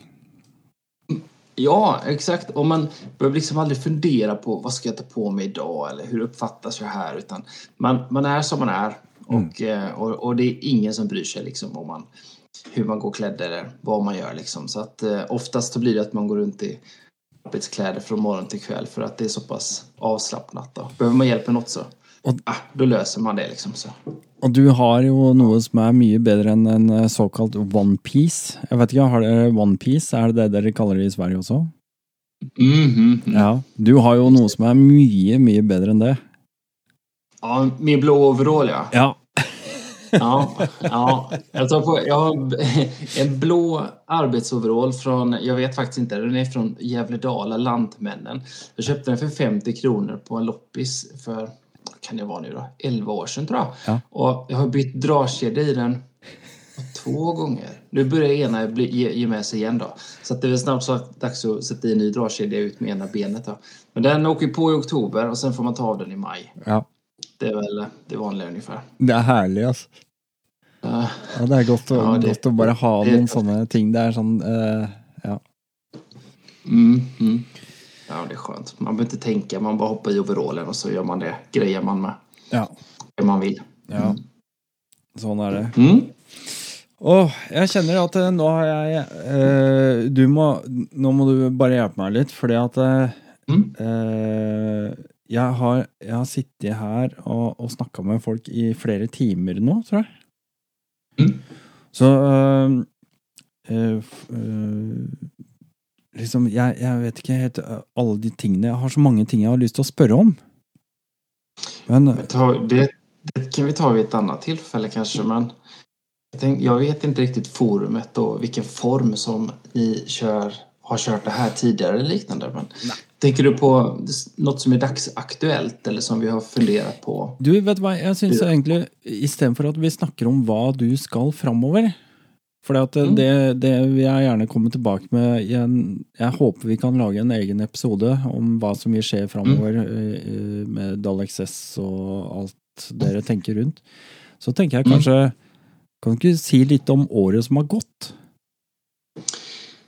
Ja, det var jo Absolutt, det kan jeg gjøre. Vi begynte i ganske så tidigt. I, i, I vårt fall så kan man ju börja åka motorcykel i mitten av april kanske, i bästa fall. Mm. Och det är ju snö och is. Jag bor jo i Mora eller Dalarna då. Så um, vi började hyfsat tidigt och körde en tur i maj. Och det var ju mycket förberedelser och så för att få ihop det. Och um, sen så rullade året på. Vi fyllde inte turerna. Så att vi hade ju inte så många deltagare på alla turer. Men det gjorde ingenting. Och vi ville liksom inte stressa det heller. Vi var rätt tacksamma för att ha små grupper. Mm. Um, för vi lärde oss fortfarande så mycket eftersom det var vårt första år. Och det, jag skrev faktiskt ett blogg, blogginlägg idag som jag inte har sagt till någon än. Men det reflekterar lite över det. Just den där resan, vad vi visste ja, i våras och vad vi vet nu. Det är ju en, en otrolig skillnad. Och det största som hände, det var nog på första turen när det var en deltagare som sa så här att ah, det, hur som helst, vi kom fram till att vi, vi kör ju inte motorcykelresor eller motorcykelguidningar utan vi guidar ju människor som åker motorcykel. Och det har liksom färgat av sig på det mesta vi gör. Mm. Och det har också påverkat turerna. För att vi kan ju ofta ha en bild av vad en viss tur ska bli. Vi har en målgrupp och en nivå och vi vet var vi ska åka. Men sen är det ju först när deltagarna kommer. Det är det som gör minnena som vi tar med oss hem och det är det som har blivit det som har varit intressant och det som har hänt. Och själva värdena som man tar med sig, det var ju liksom inte den här fina vägen eller liksom wow vad häftigt det här var. Utan det var ju historien som någon berättade eller två personer som lärde känna varandra och ha kontakt sen. Det var det som har blivit liksom aha-upplevelsen. Mm. Det er de, den interaksjonen man har sammen med andre mennesker. Eh, Det er ikke Det er liksom det å, å blande sin egen opplevelse med å høre andres fortellinger, eller eh, ja, vit- bevitne andres resultater osv. Det er jo liksom alt dette samspillet som oppstår. Ja, og det ble lite som en ögonöppnare for oss. for at vi hadde lagt så mye fokus på å planere og fikse rutter og boka boende og kolla restauranger. Och, så att allting var liksom planerat och fixat. Men sen så när det väl kommer til kritan så er det det, det måste funka och det måste ha basen. Men det är människorna som är där som har varit centrum och det som har varit det viktiga som vi har tagit med oss och lärt oss av. Och det, så 2022 har varit en resa. Men, och, och det känns som att många pusselbitar har fallit på plats för oss. Så att, eh, det känns bra. Mycket bättre start för 2023 än vad vi hade inför 2022. Ja. Det er jo litt sånn Jeg, jeg ser på sånne nystarta greier. Altså, nå skal jeg ikke ja, For å prøve å dra en liten parallell, da. Jeg startet i en bedrift her for fire år siden. Eh, et kjempedigert bygg. Eh, Kosta 1,8 milliarder norske kroner. Og ikke sant, det er et kjempemegadigert prosjekt. Hvor alle som begynte å jobbe på det stedet, var helt nye, ferske mennesker. Hadde aldri jobbet med dette her før. Eh, måtte lære systemer, eh, måtte rette opp feil, måtte liksom eh, sørge for å forbedre rutiner. Alle mulige ting skulle på plass. Og, og da er det som om eh, jeg sammenlignet de to første årene eh, med det som faktisk et menneske gjennomgår, da. Og det er at når man blir født, og fram til man er to år, altså de, de første 24 månedene av livet til ethvert menneske, så lærer man mer i løpet av 24 måneder enn det man vil gjøre fra to år og resten av livet sitt. Mm. Tenk på det. Og Det betyr at du har en Ja. ganske bratt læringskurve de to første årene, og sånn er det jo med en bedrift også, ikke sant. Når man er nystarta og ikke har holdt på med alle disse tingene før, så har man en fryktelig bratt læringskurve, og det legger et grunnlag for hvordan man skal gjøre ting deretter. Exakt, jo absolutt. Og jo mer man tänker på vad man har lärt sig så inser man också hur lite man faktiskt kan. Just när tiden går liksom. Mm. Att man får respekt för det. För att jag, när jag skrev det här blogginlägget idag så avslutade jag med att om, om jag nu tittar tillbaks på 2021 så blir jag lite så här full i skratt och jag kände att mm, det vi trodde var rätt då, det, det, vi är väldigt långt ifrån det idag.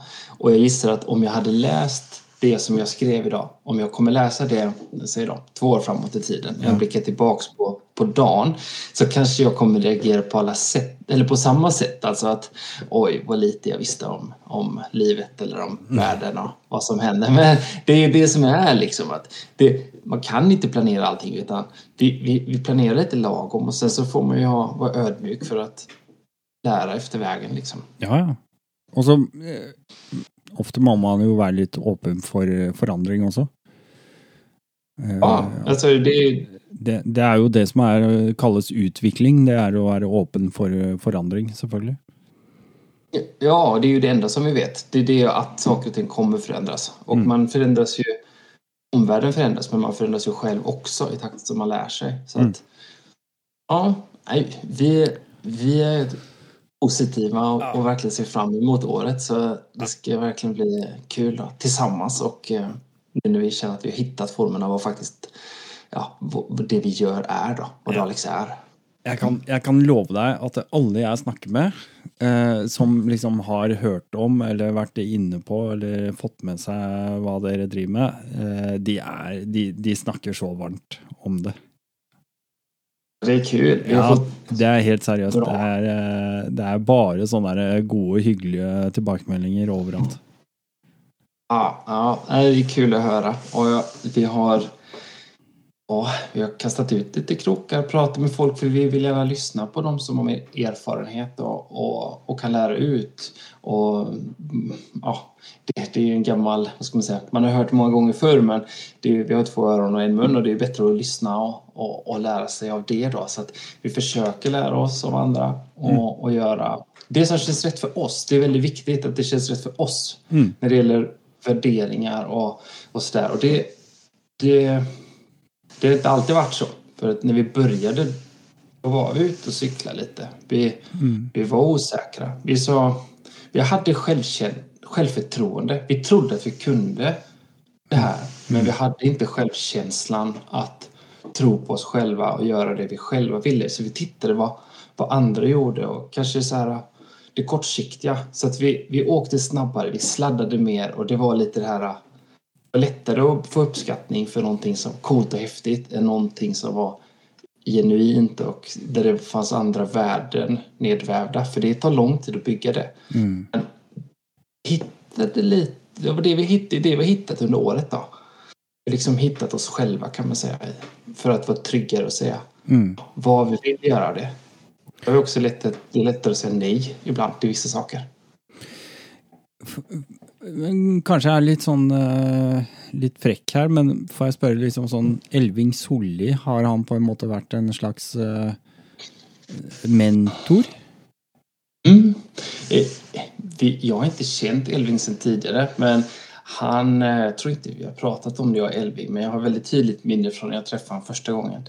Ehm, det var når jeg hadde skaffat min første motorcykel och hade precis nytt körkort. Jag hade inte ens fått kortet än. Jag hade bara den lilla papperslappen som man får innan Ja. kortet var tillverkat. Ja, ja. Och så åkte vi upp till Adventure Days. Jag tror faktiskt det var första Adventure Days som, som de körde. Och då körde vi en röd tur med Elving där. Och ja, det kostade plast och det gick fort och det var kul. och det var, ja, det är mitt första minne av Elving. Det var jätteroligt. Men absolut, Elving bor ju i Dalarna, inte alls långt eh, ifrån där vi bor. Ja. Så att jag, jag, gillar det han har gjort och det han förmedlar. Så jag, jag tog kontakt med Elving och frågade vill du träffa oss och prata lite? Och absolut ville han det. Så att det har varit bra. Så när det är saker jag funderar på så skickar jag till Elving. Och det jag verkligen uppskattar det är att um, om vi tänker fel då säger han, då säger han det. Mm. För det är väldigt tacksamt med någon som vad ska man säga, vågar säga nej också, erfarenheten. För frågar man mamma då vet man ju att man alltid får en klapp på axeln liksom. ja, exakt. Det går inte. Ja, så ibland behöver man höra det där. Ah, kanske vi får fila lite på. Eller, ja. Mm. Så, Jo, det har varit väldigt värdefullt och väldigt tacksam för det. Ja, det kult. Jeg, jeg, ja, det er eh, Elving er en fantastisk eh, fin fyr, altså. Mye sånn filosofisk eh, fine tanker. eh. ja.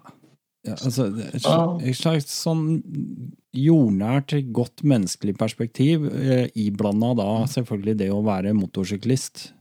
Så at det, Mm. man, det gir, gir jo han en sånn spesiell evne til å til å på en måte kan være en slags mentor, da. Ja, absolut. Jag kallar Elving för vår mentor och han är också en förebild för oss. Absolut. Ja. Och det handlar mycket om att, eller det handlar inte mycket utan det handlar bara om att ta människor. Ha ett bra grundkoncept men att kunna prata och kommunicera med människor. Mm. Och det, det är ju viktigt liksom. Den här upplevelsen tillsammans. Och, ja. Mm. Mm. Nej, jag är väldigt tacksam för det. Ja, det er herlig. Det er, eh, det er herlig. Jeg, eh, jeg gleder meg skikkelig til å, å komme opp eh, til dere igjen. Ja, du, du er varmt velkommen når det passer. Men vi, det blir noen turer i sommar. Og, ja, ja, ja.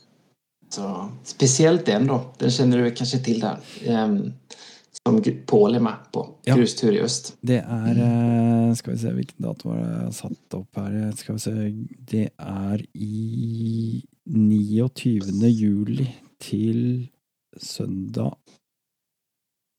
Nei, nå tuller jeg. Det, Juni til hel- juli, det er det der månedsskiftet. Exakt. He, helgen vecka 26 om jeg ikke minns fel. Ja. Kan det være? Det stemmer, det. Det stemmer det. Fra torsdag til søndag. Mm. Et samarbeid som du har med Grustur i øst. Ja. Vi- har tenkt mye på samarbeten och så tidigare och det, det är ju svårt liksom att ha ett samarbete så att det funkar för båda. Och sen så träffades ju eh, träffade Paul på en tur, en roadbook-tur som vi hade eh, i somras, en dagstur när Paul kom. Och, och det var ju kul och Elving var också med. Jag kände också att vi liksom, vi snackade samme språk. Mm. og vi har hatt kontakt så det har også vært en perfekt bollplank om løfte og lyfta ja, ställa fråga till. Ehm, men nu så kommer vi med varsin tur og så treffes vi opp på samme ställe. Og det blir ju som ett, et, det blir en rolig grej liksom. Det er kult. Ja, så jeg ser fram emot att kanske fixa, vi måste ju ha någon liten sån här adventure-tävling nu mellan norska gänget och svenska gänget när vi, ja, ska slå upp något tält och tända fyr på no, få fart på någon eld där och tält, koka kopp kaffe på kortast tid. Ja. Ja, ja. Får se. Ja, det er gøy. Sånne ting er moro. Det, er, eh, det lager alltid god stemning, og Ja. Det er Ja, det hadde vært kul om vi får fikse någon sånn vandringspris, så kanskje det kan bli en återkommende grej da, som vi får, vi får Titta det, ja. Mm. Det hadde vært kult. Det hadde vært kult. Ja, starta noen sånn liten Ingen konflikt, utan en tävling i, Ja, ja. i all välmening som bare er litt Ja, skoj liksom. ja, ja. Ja. Du, eh, jeg gleder meg til å prate mer med deg og Rebekka seinere. Jeg håper Rebekka har lyst til å være med og prate også. Säkert. Ja. Uh, og så gleder jeg meg til vi ses igjen neste gang. Uh, Ja, precis. Ut, utan Rebecca så hade ju inte Daleks varit vad det är heller. Det är ju ett uh, samarbete 100% mellan oss så, tillsammans. Så. Ja, altså, mm. mitt, mitt klare inntrykk da, etter det korte møtet eh, Jeg hadde jo en overnatting, og vi, vi satt og prata og vi grilla litt sammen med eh, moren din og stefaren din og sånne ting. Og, og liksom eh, mitt helt klare inntrykk etterpå var jo at eh, altså begge dere to, både du og Rebekka, er sånne ordentlige ildsjeler, som er sånne rivjernsmennesker, som jeg kaller det. Som, som liksom bare Ja, nå skal vi gjøre det her. Da er det dette vi gjør nå. Og det, det slutter vi ikke med før det er ferdig. Og så kan vi ta neste oppgave. Eh, litt sånn type mennesker fikk jeg eh, veldig inntrykk av. ja, så er det. Saker har en tendens att urarta. Men vi har jo veldig kul sammen. da. Ja. Så, så, men det kan vi prate om i annet tilfelle. Det skal vi Så- gjøre. Mm, mm. Du, eh, ønsker dere riktig godt nyttår. Takk, det samme, Dennis. Ja. Og eh, så høres hörs vi takk for för pratet kveld Takk for praten. Ha det godt. Eh, Hej! Det var Skal vi se Da må jeg bare få på den. Det var eh, Anders Kulin, det, fra Dalexs Adventure Service. En kort prat med han også. Det, det var hyggelig å få lagt inn. Eh, jeg skal se om jeg kan få lagt inn én. Én til rekker vi. Skal vi se.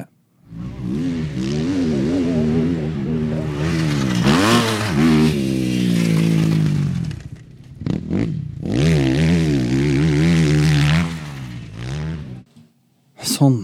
Da tenker jeg da skal vi inn og få eh, tatt en prat til. God kveld, god kveld. Nei, Dennis. Hallo! Åssen står det til med Frank Berg? Han uh, har uh, begynt å komme seg igjen etter en skikkelig runde med et eller annet uh, ondskap. Det hørte jeg. Så det er fortsatt litt hosting og sånn, men fått på piggdekka på sykkelen, vet du, og da hjelper det mye. Ja, det er, eh, det er utrolig hva man, eh, ja, hva man kan berge inn bare med å få lagt på noen piggdekk.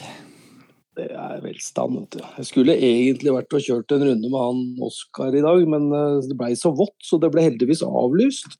Ja, Og, sorry. Nei, ikke er helt i toppform, så, så gikk det greit. Jeg måtte jo egentlig avlyse. Vi skulle jo hatt dette på tirsdag, nå er det jo fredag. Eh, Så det har jo gått eh, vel mye tid, men, eh, men jeg lå rett ut på tirsdag, jeg også. Så ja, det er, det er saker og ting som går, ja. Fy fader, jeg tror ikke jeg har én frisk kollega på jobb heller. Det er helt på trynet. Men du hadde jo piggdekk på sykkelen allerede, så jeg skjønner ikke hva dette var. Mm, jeg har ikke det. Jeg har ikke det. Jeg trodde du sykla hver dag. Jeg. Å, tråsykkel. Nei, du prater ikke om tråsykler. Nei, nei, jeg, jeg fikk jo på langpigg på, på godsykkelen. Altså det. Men det blir jo bedring nå, vet du. Jeg trodde du snakka om motorsykkel. Ja, det gjør jeg alltid, vet du. Ja. Så, men så ser jeg disse bildene dine, òg. det er jo koselig å følge. Du legger ut så mye fine bilder. Ja, nå er du jo inne på noe for, å, for at lytter skal forstå hva vi egentlig snakker om her, eller hva du refererer til, så er det jo at jeg eh, Bortsett fra nå i romjula, hvor jeg har vært så dårlig, så har jeg ikke gjort det. Men jeg sykler jo til og fra jobb med en eh, eh, elsykkel. Og det er eh, ikke mer enn tre mil hver vei, så det er jo seks mil eh, om dagen. da. Og da har jeg, har jeg eh, på en måte lagd meg en sånn rutine på at når jeg sykler til jobb, så et eller annet sted underveis, tre mil er et stykke, så legger jeg merke til noe nytt, og så tar jeg et bilde som jeg legger på Facebook. Og så gjør jeg det samme på vei hjem igjen. Ikke sant? Og da er det jo ofte sånn at det er enten dagslys eller mørke, i hvert fall i den tida nå, så at eh, perspektivene blir litt annerledes, og ting eh, Ja, alt er Ja. Det er litt sånn uh, interessant. Og så er jeg jo glad i å ta bilder, egentlig. Dette er jo bare tullebilder, selvfølgelig. Det er jo ikke noe, jeg legger jo ikke masse i det. Men uh, det er det der blikkfanget, da. Mm. Nei, det er jo veldig trivelig å følge med på, vet du. Så, Ja. Men tre og, tre, tre og en halv mil én vei til jobb, det er imponerende, altså. Det må jeg si. Det har fått meg til å tenke, eh, og i hvert fall etter at vi var en tur opp hos Espen og prøvde denne elsykkelen hans. Den var rå. Måtte, si en, eller måtte ta meg en liten tur ned til Snellingen og sånn, så ja da. Så du har vært og eh, shoppa, du, eller? Nei, nei, jeg har ikke det ennå, for han fikk beskjed av å vente til, eh, til dem som kommer nå, vet du. Det kommer jo noe nytt. Eh, Det kommer stadig noe nytt. Så... Nei da, så da får vi se hva som dukker opp, da, vet du. Nei, jeg, jeg, jeg... trene litt på sesongen. Jeg røyk jo på en smell, vet du, for jeg hadde jo den episoden med han Jo Espen Bjerk. Så hadde vi en garasjeprat. Og, Ja, ja, ja. og han er jo innehaver og daglig leder i uh, EVO elsykler. Ja, Og da røyk jo jeg på en smell. selvfølgelig. Det sier seg selv. Ja, ja, ja. ja. Men uh, Altså, det nye nå, vet du, det blir jo Rally Elbike Nord etter hvert nå, da. Så blir det jo da å kjøre roadbook med elsykkelen, ikke sant? Ja, det hadde vært gøy, det. Det hadde vært gøy. Nei, men det går an, det. Det er jo fullt mulig. Du har jo, e har jo roadbooken på telefonen, eventuelt.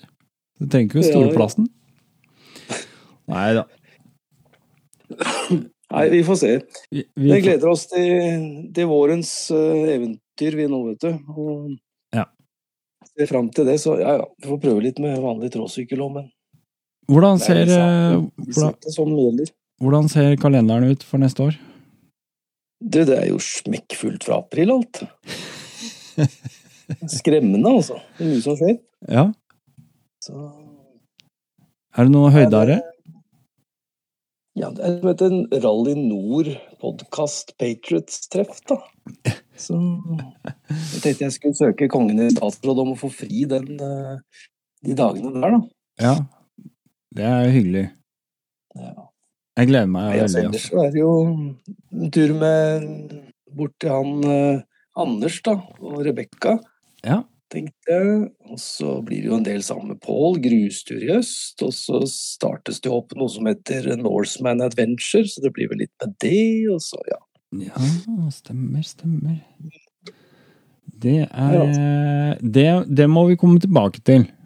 Det får vi nesten ta en episode på, nesten, for det tror jeg blir eh, mye. Det Ja. blir, eh, det blir um, motorsykkelturer og utfordringer med entusiaster som vil lage turer for dem som er eh, eh, ja, kun det de har lyst til å være med på sjøl, da. Mm, mm.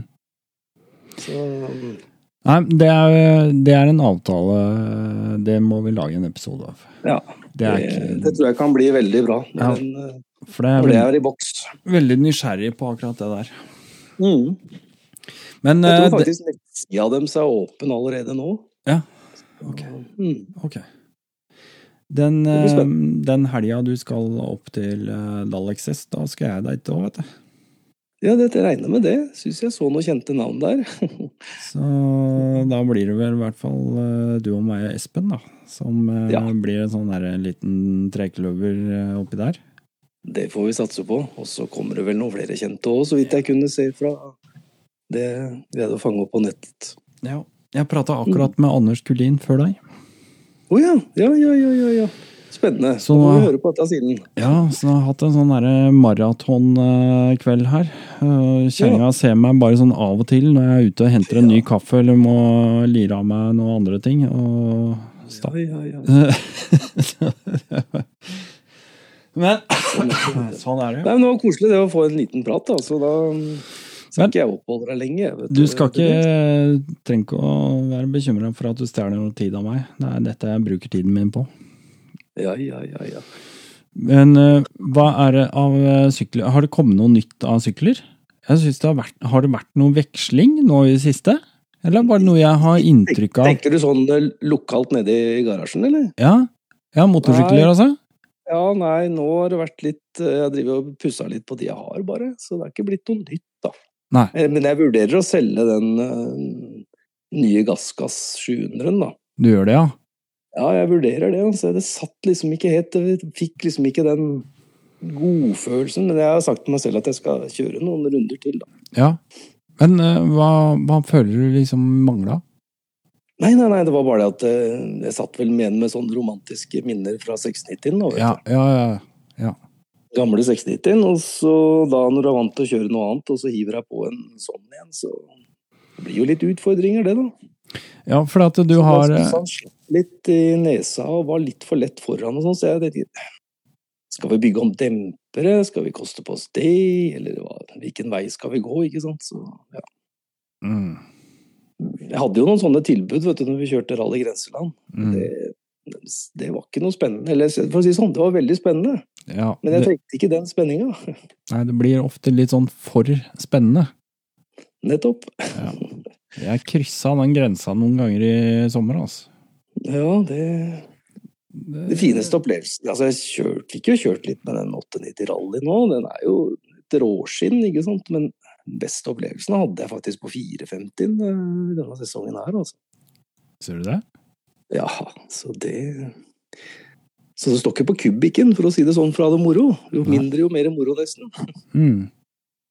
Tenker du mer i baner å bygge om eh, 450 til en rallyreplika rally-replika eller noe sånt, eller? Nei, det må ikke være noe rallyreplika. Det må det må jo være noe, være noe eget, da. Ja. Kan ikke kopiere, da. Nei, men det blir en sånn eh, adventure-utgave. 450 Jeg kunne tenke meg at den fikk litt lengre rekkevidde og et par andre småting som jeg gjerne skulle forbedra, blant annet eh, sittekomfort. Bør jo ikke sitte hele tida, men eh, det ender jo det òg. Det, det hjelper jo. Det gjør det. Ja, nei, også litt sånn Det er litt sånn Du skal jo lade litt ting, og du skal ha strøm til litt forskjellige ting, og Ja. ja. Så skal du ha navigeringsenhet, og så skal du ha det ene og det andre, og til slutt så bygger det på seg så mye, så det, jeg tror jeg må begynne å tenke litt nytt. Mm. Mm. Så nei da, jeg får la det være litt i tenkeboksen. Du får gjøre det. Ja. Jeg er sikker på at du finner ut av det. Eh, Du Ja. har jo alltid noen morsomme prosjekter eh, i garasjen gående, så eh, det er jo egentlig Ja. bare å vente i spenning, det. Ja, du må bare komme innom, vet du. Jeg skal gjøre det. Den er bygd om, så litt. Så for å komme inn og se. Ja, for det at du begynte å Du leide nå plutselig et eller annet sånn Mm. garasjeverksted utsted ja, Ja. på en eller annen gård eller noe sånt? Der du var sist gang, vet du, så det er bare å komme her. Mm. Det må jeg gjøre. Ja. Du, vet du hva? Nå skal jeg avslutte med deg eh, med å si riktig godt nyttår, Frank. Takk det samme, Dennis. Og så må vi få like mange fine og flere turer i 2023. Ja, Mm, det ønsker vi alle. Og, det gjør vi. Og så ses vi bare på nyåret.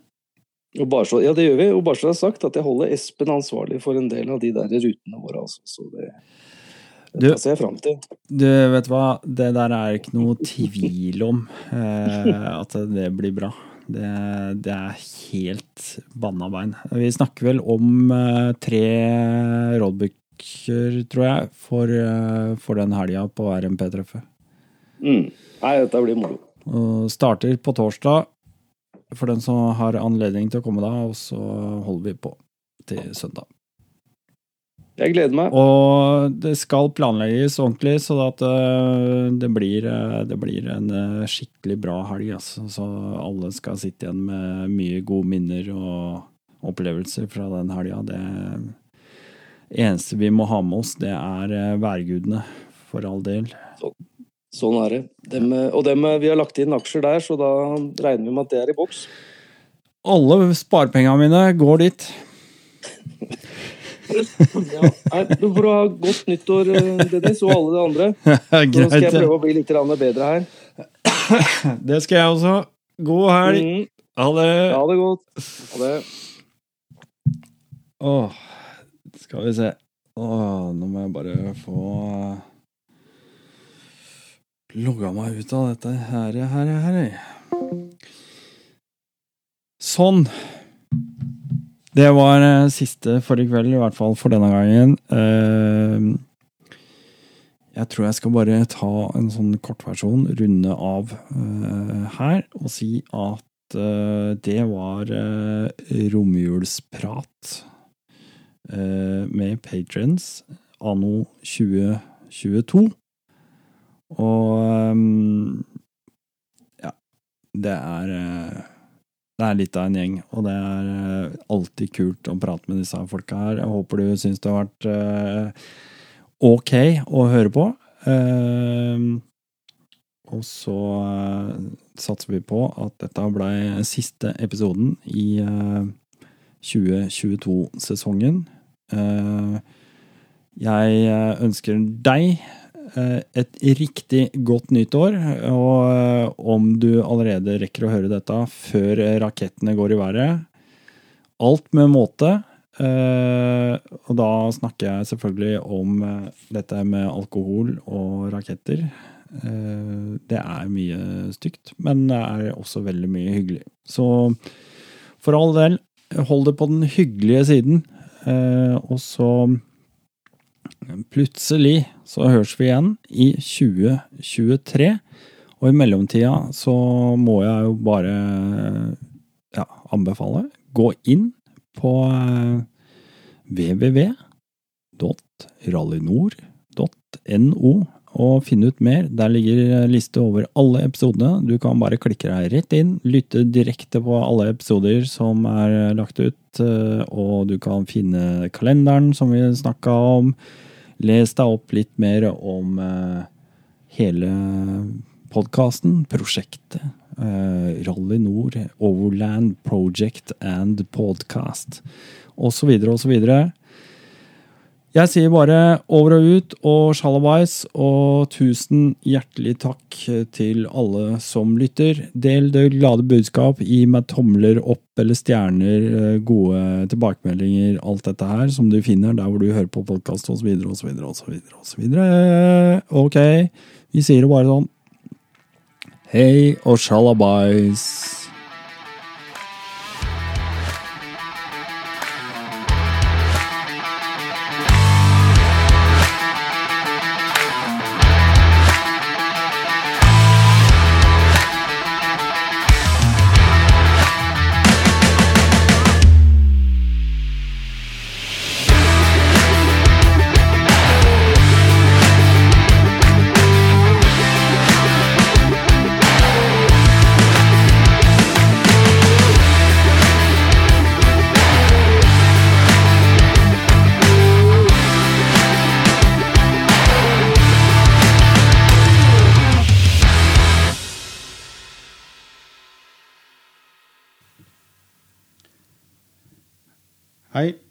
Geir Yklestad fra Offroad Touringklubb. Jeg har noen mekktips som jeg vil dele med deg. Eh, Jeg har for vane å bruke luftfilter uten snorkel for sommerbruk. Det gir større luftgjennomgang og brukes ved montering av luftfilter. Da bruker jeg ofte en luftfiltersokk utenpå vanlig vaskbart skumfilter. Men jeg har gått tom på sokker. Hva skal jeg bruke da? Eh, Da kan du bruke en damenylonstrømpe utenpå filteret. Gjerne flere lag. De får det overalt, og det koster nesten ingenting. Og da holder du motoren din fri for støv. Hvis du vil lese mer om dette, kan du gjøre det på www.otc-mc.org.